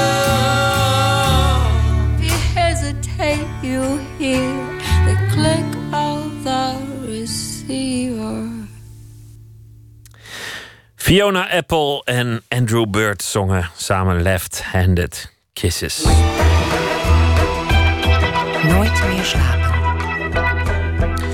In het boek Abdul en de anderen schrijft dichter Lambert Voos over het leven van de vluchtelingen met wie hij werkte en over zijn eigen leven, waarin al die ellendige verhalen hem te veel werden. Verslaggever Adinda Akkermans ging met hem terug naar de plek des onheils.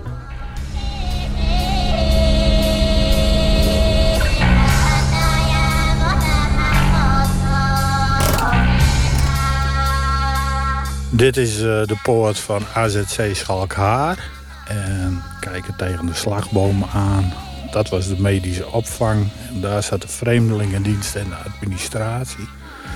En eh, daar rechts staat een gebouw, daar zat de directie in.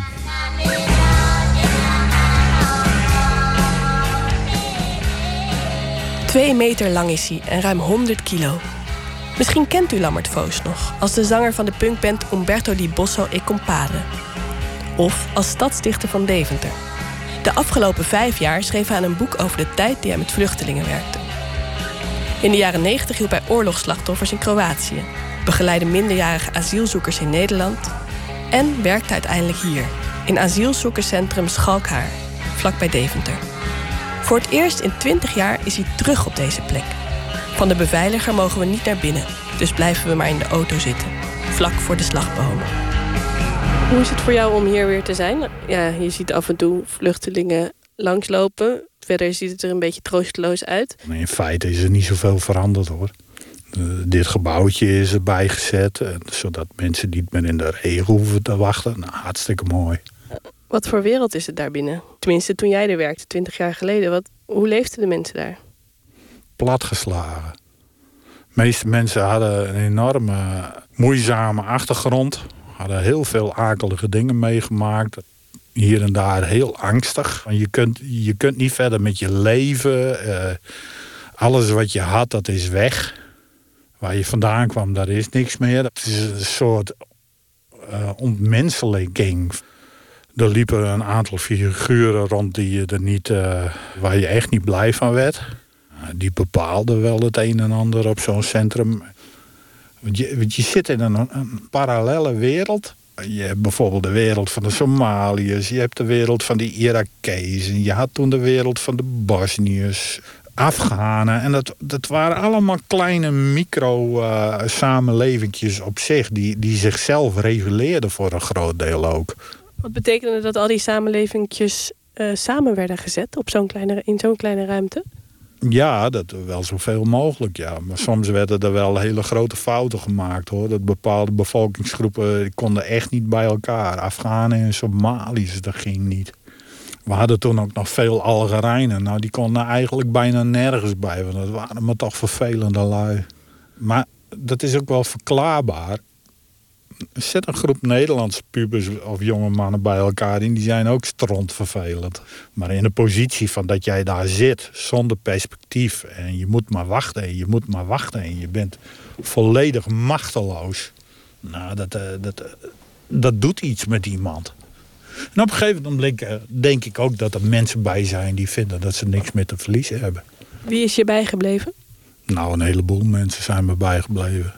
Uh, Abdou Diop, hij kwam uit het gebied uh, tegen de grens van Senegal aan. En daar wonen de Wolof. Die zijn uh, behoorlijk gekleurd. En in Mauritanië heb je dat mensen die zichzelf beschouwen als Arabieren... de donkergekleurde mensen eigenlijk zien als slaven. En Abdou zijn hele familie was verdwenen. Was, waren vermoord. Ja, en Abdou was ziek van heimwee. Hij wilde terug. Hij kon hier niet aarden. En uh, toen een andere Wolof, een uh, Senegalees die hier al jaren woonde, die heeft zijn terugreis betaald, wetende dat hij, uh, ja, dat het zijn eind was. En Abdou is verdwenen. Ja, hij werd liever vermoord. Hij wilde terug. Wat kon jij voor hem doen? Niks. Helemaal niks. Je kunt in materiële zin misschien wel dingen voor mensen doen, maar soms kun je in uh, psychologisch opzicht helemaal niks voor iemand doen. Heb je het gevoel dat je wel dingen hebt kunnen doen voor mensen? Hier bijvoorbeeld, in het AZC? Nou, dat hoop ik dan maar. Respect hebben voor mensen, eens een keer vriendelijk naar ze lachen, eens een keer een praatje maken. Uh, ja, in die zin uh, denk ik uh, dat ik iets kon betekenen, maar concreet. Toch redde Lammert minimaal één keer een leven. Letterlijk. Een man uit Irak kon het wachten op een verblijfsvergunning niet meer aan en nam al zijn antidepressiva en slaappillen in één keer in. Lammert belde de ambulance, pakte de man in zijn nekvel en liet hem braken. Je kunt je afvragen wat voor leven heb je gered. Kon niet weer verder wachten. Hopeloos. Ik heb me later uh, wel uh, op het hoofd gekrapt van had ik hem niet moeten laten. Want, uh... Wat betekent het voor jou om dan zo'n hele dag daartussen te werken en niet veel te kunnen doen? Hoe ga je dan naar huis met wat voor gevoel? Nou, met een klautig gevoel. Ja, machteloos. Kwaad ook. En kwaad ook op mezelf. Ik weet niet hoe dat is voor andere COA-medewerkers. Maar ik weet wel dat ik dat wel had. En je, je had een ploegje medewerkers, allemaal mannen toevallig. Nou, wij deden niet anders dan vervelende grappen onderling maken. Vooral heel vervelend doen. Nou, dat was dan grappig, weet je. Dat is, dat is een manier om je af te reageren. En laten we maar even een stukje rijden. Ik wil Ja. hier wel weg nu. Ja, dat gaan we doen. En ik zie aan de ramen dat ik meer gestresseerd ben dan ik zo in eerste instantie. Omdat het beslagen is hier. Ja. Dat, dat je aan het zweten bent. Ja, angstzweet. Ik ruik het bij een ander, ruik ik het altijd direct. Ik ruik nog niks. Leer mij, nee, we gaan rechts. Leer mij angst kennen. Na zes jaar kan Lammert Voos de ellende en frustraties niet meer aan. Hij slaapt niet meer, gaat te veel drinken en wordt geestelijk ziek. En hij heeft het gevoel dat werken bij een AZC niet te rijmen valt met zijn morele principes. Nou, bij vluchtelingenwerk eh, werkte ik in het belang van de vluchtelingen. En eh, bij de COA werkte je in het belang van de overheid. Dat is wel een wezenlijk verschil. Voelde dat meteen alsof je helde met de vijand? Ja, ja dat voelde sowieso niet goed. Maar ja, mijn WW liep af en eh, ik wilde toch wel graag auto blijven rijden. En ik had een wasmachine op afbetaling en ik zat graag in de kroeg.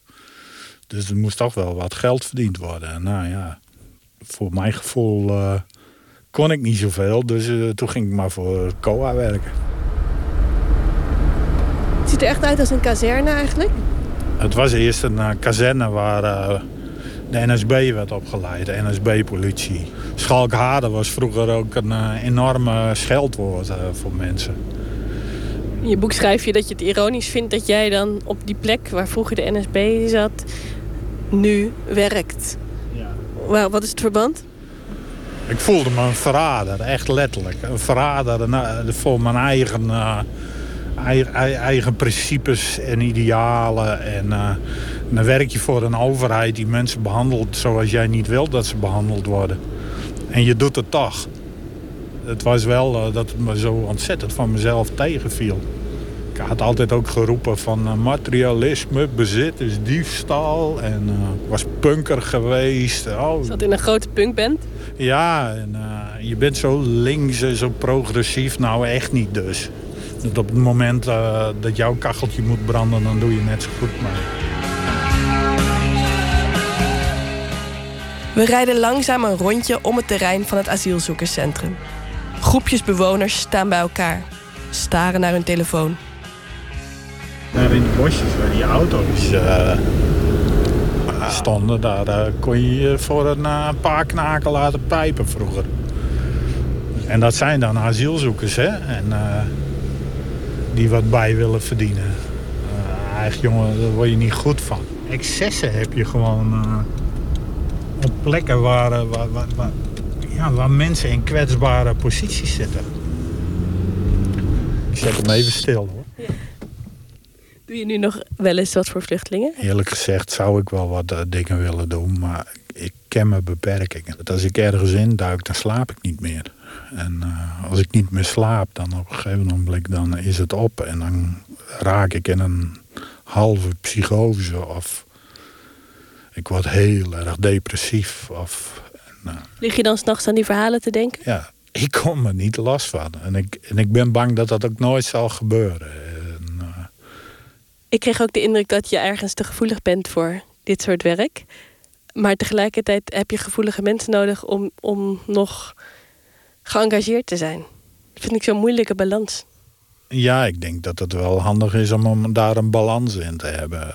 Dus, eh, en eh, ik denk dat ik die balans niet heb. Daarom eh, is het ook een korte, heftige periode geweest.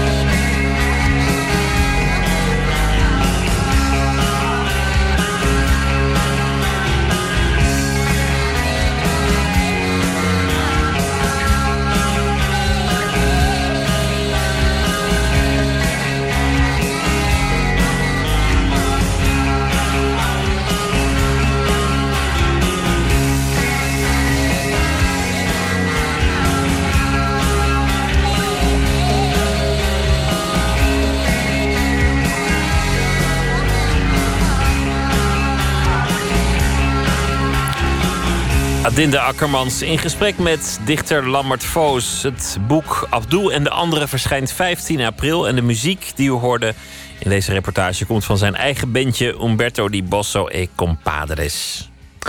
Hij was ooit eh, achtergrondzanger van D'Angelo ten tijde van de beruchte Voodoo Tour, maar inmiddels heeft hij zijn eigen carrière. Anthony Hamilton heb ik het over. Een nieuw album is uit, What I'm Feeling, waarvan wordt gedraaid Ain't No Shame.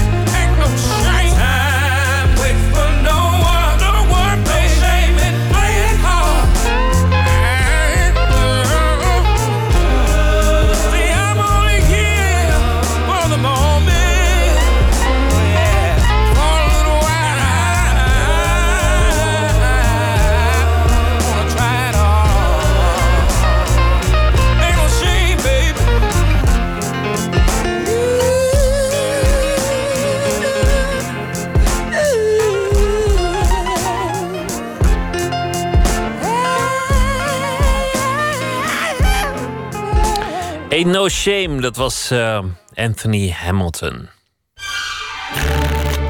Open kaart.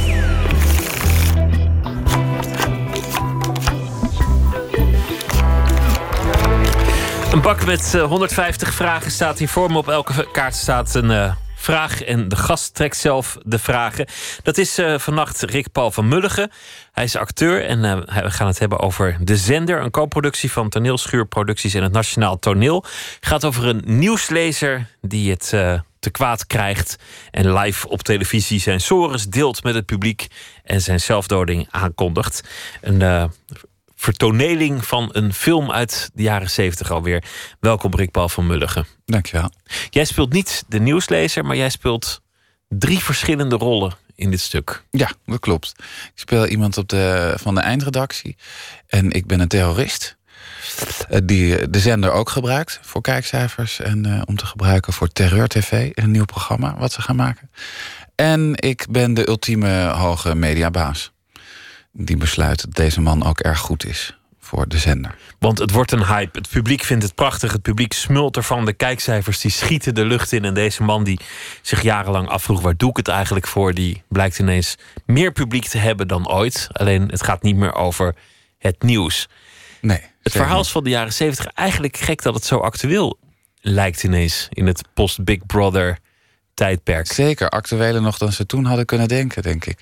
Maar alleen toen was het, denk ik, een grote angst die ze verfilmd hebben. Van het zou toch niet dat de tv hier naartoe zou kunnen gaan. En dat is een beetje waarheid geworden, denk ik. Op heel veel manieren waarheid geworden. TV Ja. is veel meer amusement geworden. Ja. Reality TV bestond toen nog niet. Maar, maar dit was al een soort knipoog daarnaar. Ja. En nieuwslezers zijn ook mediapersoonlijkheden geworden. Mensen willen ook weten wat de nieuwslezer er zelf van vindt. Absoluut, absoluut. En waarheden worden ook gekozen natuurlijk. Wat gaan we laten zien? Wat scoort het meest? Waar hebben de mensen zin in? Wat is het sappigst? Hoe breng je het op toneel? Want je hebt niet het, het beeld, normaal gesproken op toneel, van, van een, een, een televisie. Je kunt niet iemand als pratend hoofd in beeld brengen. Nee. Of toch wel? Nee. Nee, dat doen we ook niet. Maar wat we wel in beeld brengen is een grote studio. En het gevoel van een studio en de regiekamer. Alleen zit alles natuurlijk in één ruimte op het toneel. Maar dat gevoel en de, de stress en de spanning van een studio kun je zeker wel op toneel laten zien. Laten we beginnen met eh, de kaart. Ik wil je Yes. vragen om, eh om er een te trekken. Gewoon willekeurig. Ja, erg zo. Ja, Ja. Dit, dit lijkt me mooi. Wat waardeer je in je vrienden? Dat ze mijn vrienden zijn. Ja, dat is toch wel het belangrijkste eigenlijk. Dat ze vrienden met me willen zijn. Nee, ja, wat waardeer je in je vrienden? Dat vrienden is je gekozen familie, toch een beetje. En dat is het meest bijzondere. Die zijn er niet dankzij bloed, maar omdat je ze tegen bent gekomen op raakvlakken. Omdat ze iets voor je betekenen in moeilijke tijden. En dat ze er altijd zullen zijn. Ga je ver terug met je vrienden? Sommigen wel, ja. Sommige, maar niet zo ver als middelbaar school, moet ik zeggen. Daar is het wel.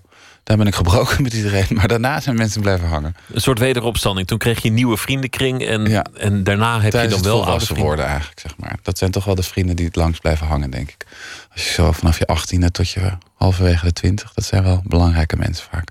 En wat was de organisatie waar je die vrienden tegenkwam? Was, was dat tijdens het uitgaan of, of werk? opleiding? Studie, voornamelijk toneelschool. Dat zijn toch wel jaren dat je intensief met elkaar omgaat. Als je dan een klik met iemand hebt, is het wel... blijven ze wel hangen, ja. Dat zegt toch iets ook over je ontwikkeling. Dat als je in die periode je vrienden bent tegengekomen... dat het ook een wezenlijke periode voor je eigen ontwikkeling is geweest. Ja. Je noemt het zelf volwassen worden.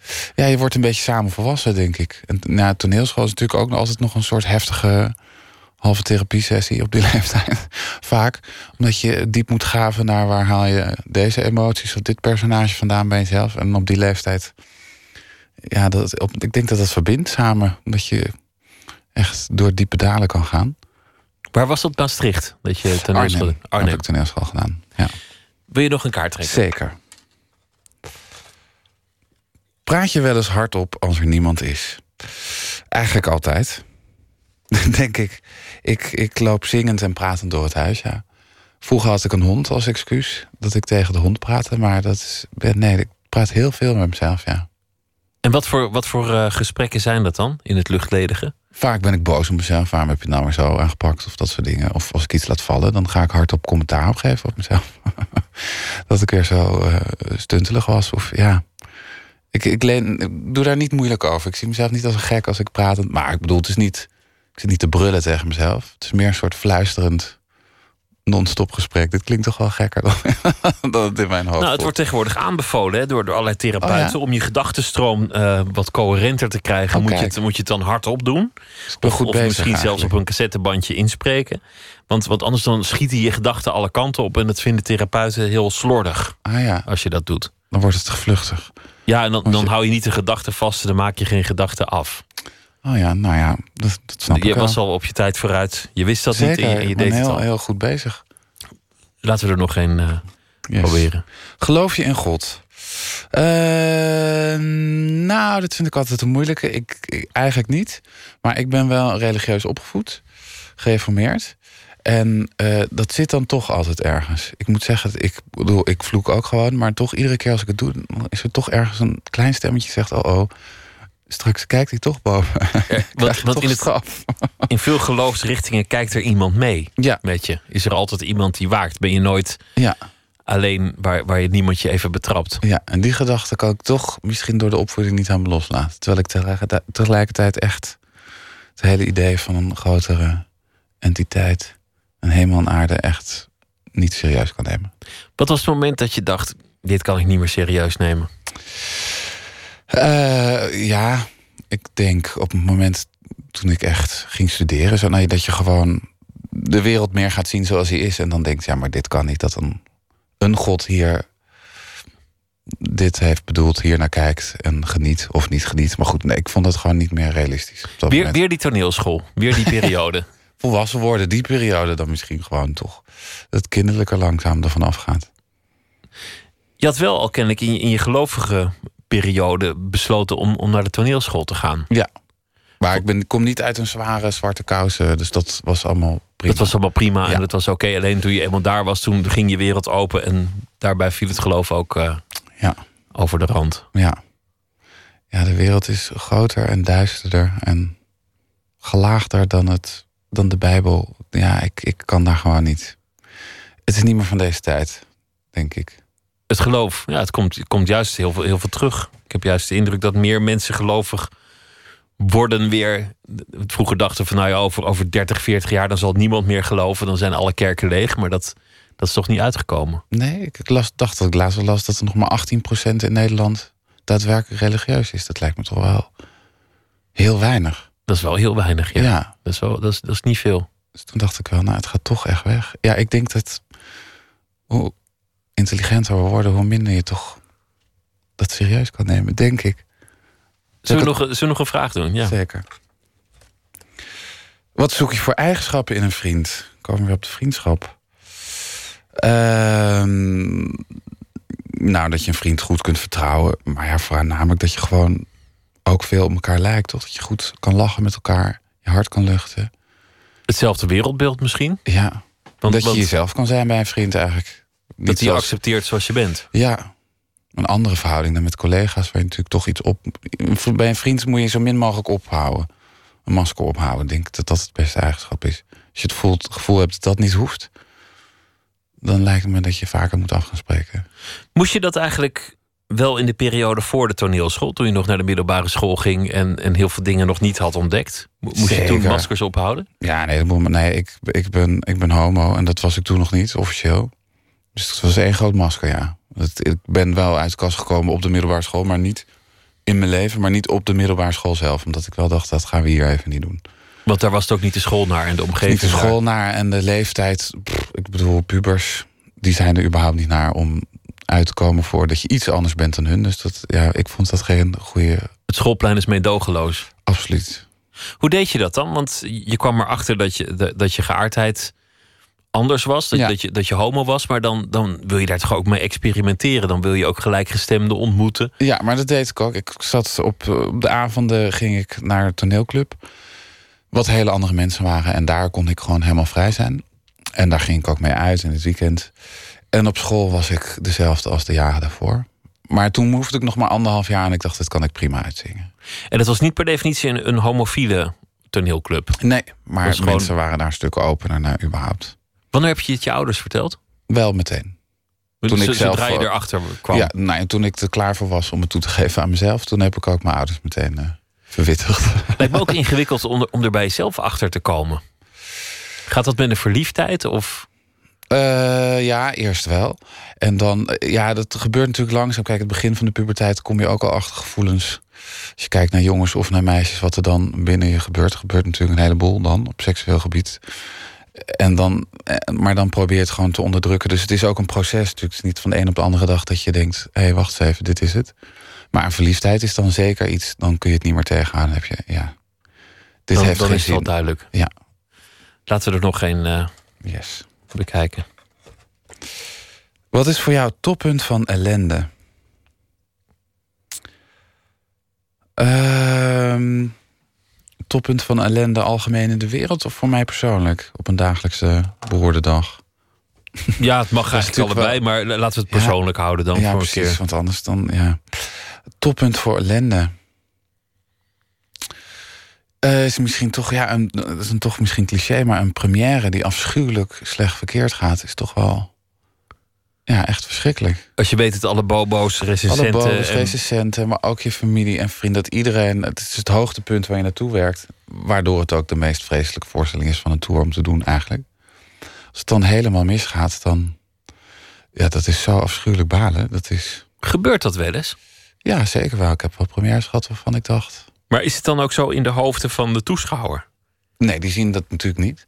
Want ik maak heel vaak mee dat ik, het- dat ik het een prachtige voorstelling vind... en dat ik dan de, de acteur tegenkom die, die net op het punt staat uit het raam te springen. Ja. Zo'n beetje. Nee, dat is in ons hoofd natuurlijk altijd veel erger dan wat je ziet. Maar toch, dat gevoel is wel het toppunt van ellende. Omdat je dan het gevoel hebt dat je niks kan, acht weken voor niks hebt gewerkt. Iedereen door heeft gekregen dat je toch helemaal niet zo goed kan acteren. En beter een kogel door je kop kan jagen. Komt het dan nog goed, zo'n voorstelling? Altijd. Altijd. Binnen twee biertjes na de première is het alweer goed. Nou ja, je, je, je kunt ook een, een mislukte voorstelling hebben... waar je nog drie maanden mee moet toeren. Theoretisch, hypothetisch. Ja, maar ik persoonlijk, ik heb nog zelf nog nooit het gevoel gehad dat ik zelf dan ook een mislukking op het toneel was. Ik bedoel, ik heb wel in producties gestaan waarvan ik op een duur, als het eenmaal in première was, gedacht van, dit is het niet geworden wat we allemaal hoopten. Maar ik heb nooit, ik ben altijd overtuigd van wat ik zelf sta te doen.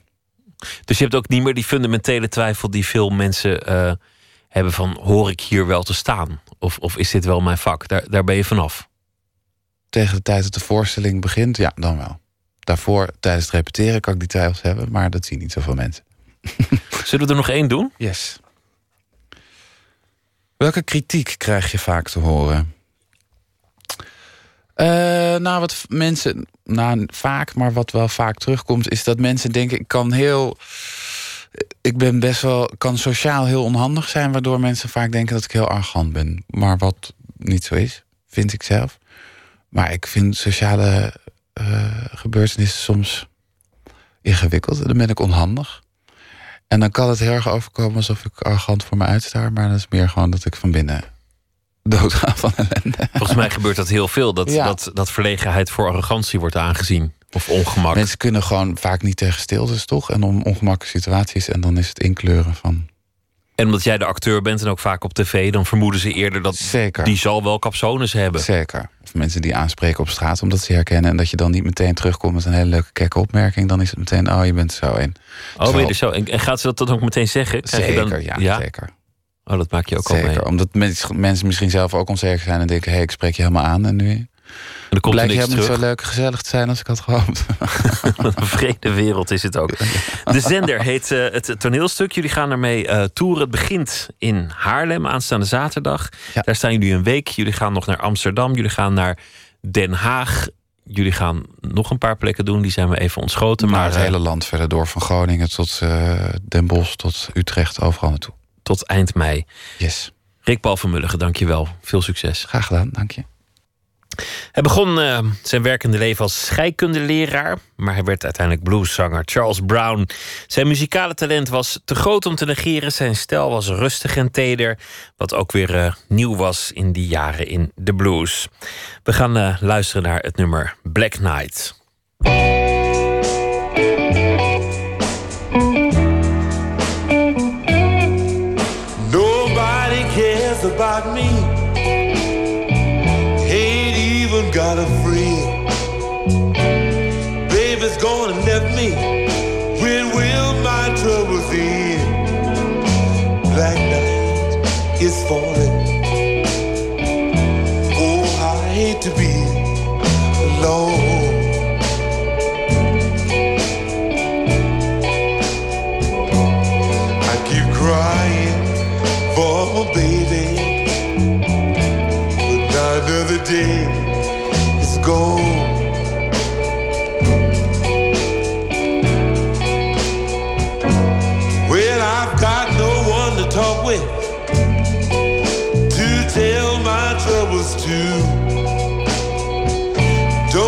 Even know I'm living since I lost you.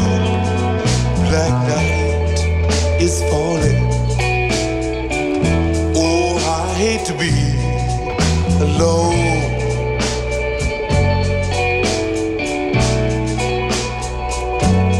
I'll keep crying for my baby, but now another day is gone.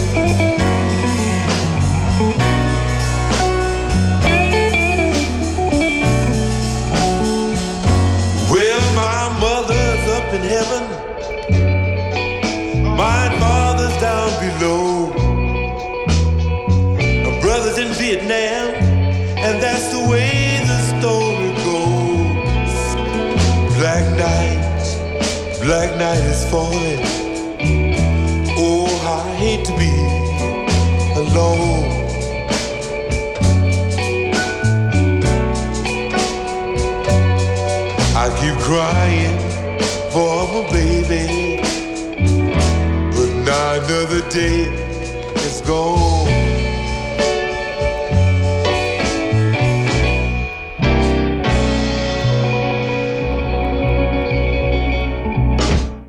Black Knight was dat van eh, Charles Brown.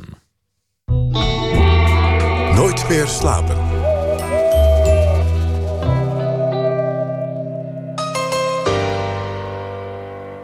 Ze zeggen het komt goed, maar daar kan ik niet meer in geloven. Graven kuilen voor me waar ze later zelf in lopen. Mijn deur was altijd open voor ze, nu is die gesloten. Op die deur duizend sloten, man zijn, dat is de code. Oh, nu ben ik een moslimrapper, want ik zei die joden. Ze wilden ziel breken, want die konden zij niet kopen. Dus wat is nou de waarheid? Er wordt te veel gesproken. God neem alles over, want de duivel laat mijn bloed weer koken. Dit is het leven dat we leven, maar niet willen leven. Ja, de Marokkanen, als het er eh, in de media over gaat, dan eh, buitelen de meningen en de oordelen razendsnel over elkaar heen. Zeker wanneer je het hebt over de subcategorie der straat-Marokkanen. Documentaire Mokro-rappers probeert een aantal clichébeelden alvast te nuanceren. Nachtcorrespondent Tom Klaassen heeft de documentaire al mogen zien. Ja, inderdaad. Vertel. Nou, je hoorde net eh, Ismo, dat is een eh, jonge rapper uit Breda. Die probeert het uh, langzaamaan te maken in de Nederlandse rapscene... en hij is al een behoorlijk end op weg. En hij is een van de hoofdpersonen in die documentaire Mokro Rappers. Die kun je sinds vanmiddag zien op Noisy. Dat is het muziekplatform van de site Vice. En die jonge Marokkaanse rappers die lopen tegen een aantal hele moeilijke zaken aan... volgens de makers van deze documentaire althans. Zo heeft Ismo miljoenen views op YouTube. Dit specifieke nummer, De Tijd Zal Je Leren het... heeft meer dan 2 miljoen views... maar zijn muziek wordt nauwelijks opgepikt... door de mainstream media, radio, televisie en zo. Dus wij met z'n allen kennen Ismo helemaal niet. Maar uh, hij rapte wel ooit een keer in een bijzin van een bijzin... iets over homo's en joden. En dat veroorzaakte helemaal uit zijn verband gerukt... enorm veel ophef en gedoe. En hij kreeg een rechtszaak aan zijn broek. Hij wil het beeld over uh, Marokkanen nuanceren. Maar, maar zelf heeft hij dan weer een oordeel over homo's en joden. Wordt daar nog iets over gezegd in de documentaire? Nou, Ismo is niet degene die de documentaire gemaakt heeft. Eh, en de documentaire is ook zeker niet bedoeld... om dit soort eh, beledigingen eh, een, een normaal plekje te geven. De film geeft juist de kracht van het hebben van een platform, van een podium weer. En de verantwoordelijkheid die je hebt als je je in die publieke ruimte uitspreekt. En de film geeft ook weer in welke hoek Marokkanen... en dus ook Marokkaanse rappers zich vaak gedrukt voelen. Want als er iets misgaat, zoals bij die Ismo... dan staan ze ineens volop in de belangstelling. En vaak onderbreekt daarbij een zekere nuance of gevoel voor de situatie. Terwijl wel iedereen er meteen een mening over klaar heeft. Nou, regisseur Duco Koops, daar is hij... die wil laten zien dat deze jongens relevant zijn... en dat ze iets te zeggen hebben... en dat ze een plaats verdienen in het Nederlandse muziekleven. En hij wil laten zien waar die vaak agressieve houding... van de mokro-rappers vandaan komt. is een van de belangrijkste pijlers is gewoon, we voelen ons in een hoek gedrukt in een samenleving waar we, ja, waar we ons niet altijd welkom voelen. Soms is dat omdat ik een, een krantenbericht lees, maar soms is dat omdat ik naar de voetbalclub loop en ik vraag even of een jongen een, eh, voetbal kan pasen, een jongen van, weet ik veel, 7, 8 jaar. En die zegt, hé, hey, kut Marokkaan. Als je dat zeg maar eh, elke week eh, op, je, om je oren krijgt, dan ga je op een gegeven moment wel denken, ja, wat, zit nou, eh, in welke, weet je, wat, voor samenleving zit ik nou? Ja, dat zijn situaties die de jongens in deze documentaire zelf aanhalen. Vervelend, maar het maakt wel dat veel Marokkaanse rappers niet bang zijn... om de handschoen op te pakken en hun stem te laten horen. Verhoudingsgewijs spreken ze zich vaak gemakkelijk politiek en maatschappelijk uit. En ze willen graag een factor zijn om rekening mee te houden binnen hun gemeenschap. Dat zeggen ze, althans, ook weer in die documentaire. Maar dat doet het helemaal niet zo goed allemaal in de mainstream. Want daar moet muziek niet te rafelig en te lastig zijn. Terwijl er veel talent in die scene zit... zijpelt er volgens de documentairemakers niet zo heel erg veel door... naar de radio en naar de wereld draait door en zo. En dat is wel een verlangen om uiteindelijk eh, eh, door te breken en eh, een felbegeerde cabriolet te kopen. Ja, ja, de, nou ja goed, de, alleen maar geld is een beetje ordinair. Maar het- ze hebben inderdaad wel een houding ten opzichte van roem... eh, dat het eh, veel aantrekkingskracht heeft. Ze willen het wel graag. En wat opvalt in die documentaire... is de vaak heel pragmatische houding van die rappers. Ze weten ook heel goed wat je wel en niet moet doen... om gedraaid en gezien te worden. En ze zijn ook wel bereid om daar redelijk ver in te gaan. In, eh, Nederland is het sowieso natuurlijk een klein land. Het is moeilijk om te leven van de muziek. En als je geen concessies doet, dan wordt het er niet gemakkelijker op. Een hit wordt pas een hit als die eh, motherfuckers toelaat. Welke motherfuckers? Ja, ik ga geen namen noemen, want anders gooi ik deuren dicht. In ieder geval mensen die mij niet willen uitzenden, dat zijn motherfuckers. Je hebt YouTube-video's met miljoenen views. Dat Ja. is dan toch ook een hit? Ja, dat is. Maar toch, ik, je moet die eh, Hilversum-wereldje op de een of andere manier zien in te rollen, toch? Waarom heb je Hilversum nodig dan? Ik, heb, ik wil gewoon, eh, maar ik wil gek geld, ouwe. YouTube, wat, gaat- wat gaat YouTube jou geven? Een paar doezoe max in de man. Ja. Als je in deze land mee wilt draaien, moet je je aanpassen. Ook met de muziek. Want eindstand, je kan voor de straat willen blijven rappen, maar de straat gaat jou niet kopen. Je wil dat de radio je draait, toch? Je wil op Nederland 2, begrijp je? Dingen in, dingen in Nederland 2 of de radio mij gaat draaien als ik doorga met wat ik nu doe. Ja. Dat doen ze niet. Ismo weer en eh, daarna de rapper Mokro Maniac. Iedereen begint met eh, straatrappen... maar op een gegeven moment passen een heleboel rappers zich aan... aan bepaalde behoeftes en aan een bepaalde sfeer. Ali B is daar bijvoorbeeld een eh, goed voorbeeld van. En andere Marokkaanse rappers die altijd een beetje militant... en gevaarlijk en eng zijn gebleven... zoals Appa en Salah Eddin... die verdwenen al snel weer naar de achtergrond. Oftewel... Als je in Nederland een factor van betekenis wil zijn... dan moet je volgens deze documentaire meer smaakjes bieden... dan alleen maar militante straatrap. Maar dat wil dus niet zeggen... commerciëler worden wil niet zeggen... dat je niks meer te melden hebt.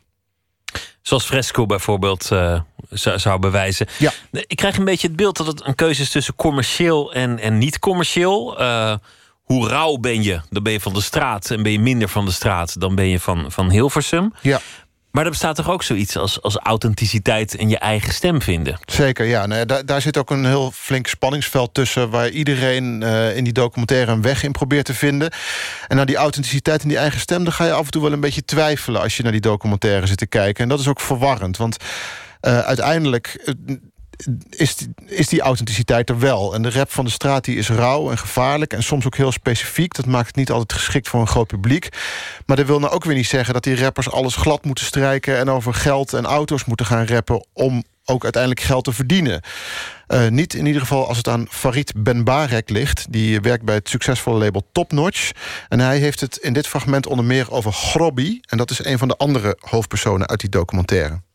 Heeft, heeft James Brown zichzelf aangepast in hoe hij eh, mensen toesprak als hij een tv-interview had? Nee, ik weet het niet. Ik, ik, ik, ben het niet echt met hun, met hun eens. Je hoeft jezelf niet heel erg aan te passen. Ze praten toch gewoon Nederlands.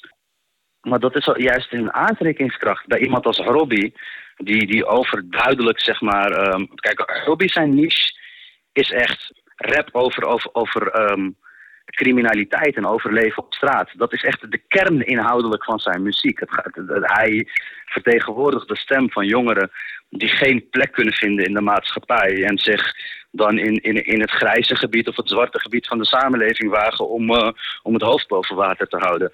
Ja, en Ben Barik die noemde aan de telefoon ook nog voorbeelden zoals Campy uit Eindhoven en de jeugd van tegenwoordig. Eh, om aan te geven dat er ook mensen zijn die weinig concessies doen en dicht bij hun kern blijven, zoals hij dat noemt. En het toch hebben gered. Maar dan wordt het wel een beetje muziek voor fijnproevers. Ja, eh, Ben Barek die haalde hier James Brown aan. Ja. Wat James Brown nooit zou hebben gedaan, is in de slachtofferrol kruipen. Nee. James Brown zal, zal ongetwijfeld veel gevloekt hebben in zijn jaren. Ja. Dat was, was keiharde segregatie toen hij begon zelfs. Ja. Maar die slachtofferrol, nee.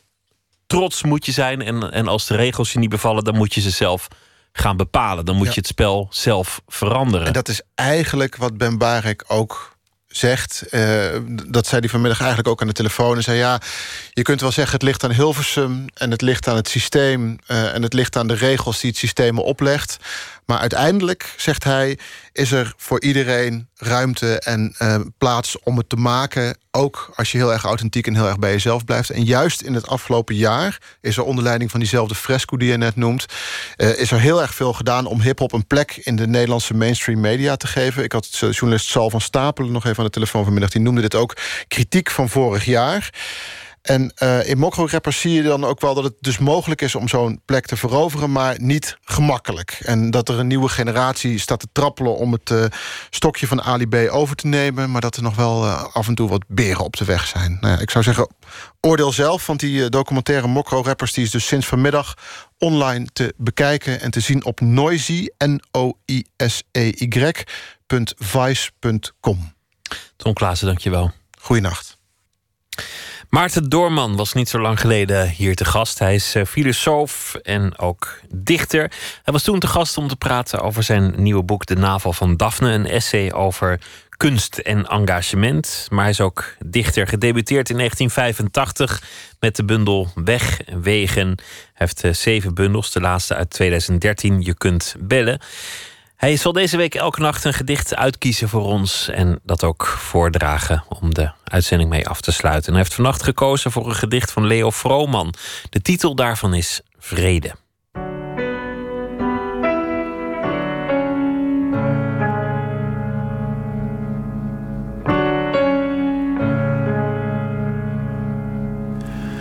Dit is een heel klassiek gedicht. Een gedicht van Leo Vrooman, die heel oud werd, maar vorig jaar stierf.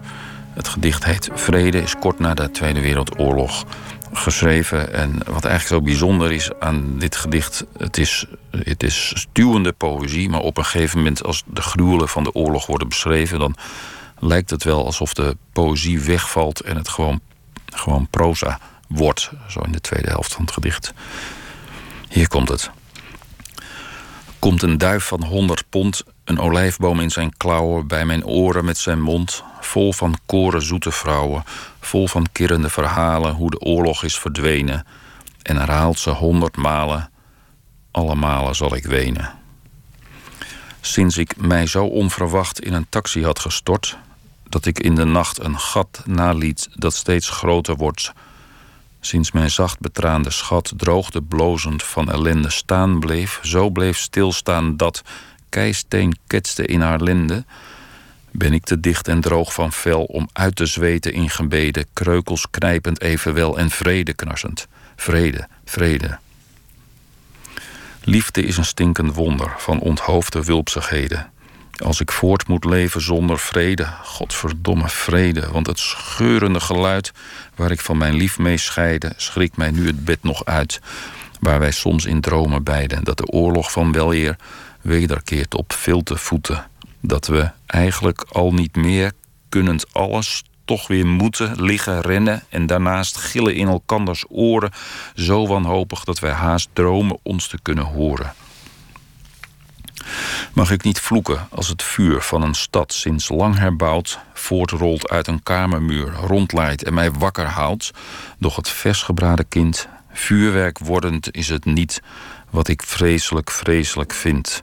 Het is de eeuw dat niets geschiet nadat eensklaps midden door een huis een toren is komen te staan van vuil, lang vergeten keldermodder, snel onbruikbaar wordend huisraad, bloedrode vlammen, vlammend rood bloed, de lucht eromheen behangen met levende delen van dode, doch aardige mensen, de eeuwenlange stilte voordat het verbaasde kind in deze zeil gewurgd wordt en reeds de armpjes opheft. Kom vanavond met verhalen hoe de oorlog is verdwenen. En herhaal ze honderd malen. Alle malen zal ik wenen. Vrede van Leo Vrooman. Uitgekozen en voorgelezen door Maarten Doorman, die morgennacht ook weer een gedicht zal voordragen. Dan komt in Nooit meer slapen Femke Halsema op bezoek. Bekend als eh, partijleider van GroenLinks. Ze heeft eh, lang in de Tweede Kamer gezeten. Ze heeft een boek geschreven, plus een eh, persoonlijke autobiografie. Politieke memoires zou je het moeten noemen. Over haar leven in de politiek en in de Tweede Kamer. Ik ga met haar praten over het leven nu. En over het leven dat achter haar ligt reeds. We gaan het hebben over de film Land of Mine. Een groep jonge Duitse soldaten aan het einde van de Tweede Wereldoorlog wordt in Denemarken bevolen om een strand van landmijnen te ontdoen. En dat moeten ze doen met hun blote handen. Fotograaf Pieter Boersma die komt op bezoek. Hij heeft een tentoonstelling in de Kunsthal in Rotterdam. Hij werd uh, fotograaf op jonge leeftijd en was aanwezig bij alle belangrijke jazzconcerten. Van Han Bennick tot Charles Mingus. De tentoonstelling heet Drumming. Dat allemaal morgen in Nooit meer slapen. Voor nu wens ik u een hele goede nacht. Morgen een hele leuke dag. En ik hoop dat u morgen weer zult luisteren. Zometeen op NPO Radio 1 kunt u luisteren naar uh, de collega's van WNL met Nog Steeds Wakker. Ik wens u een goede nacht.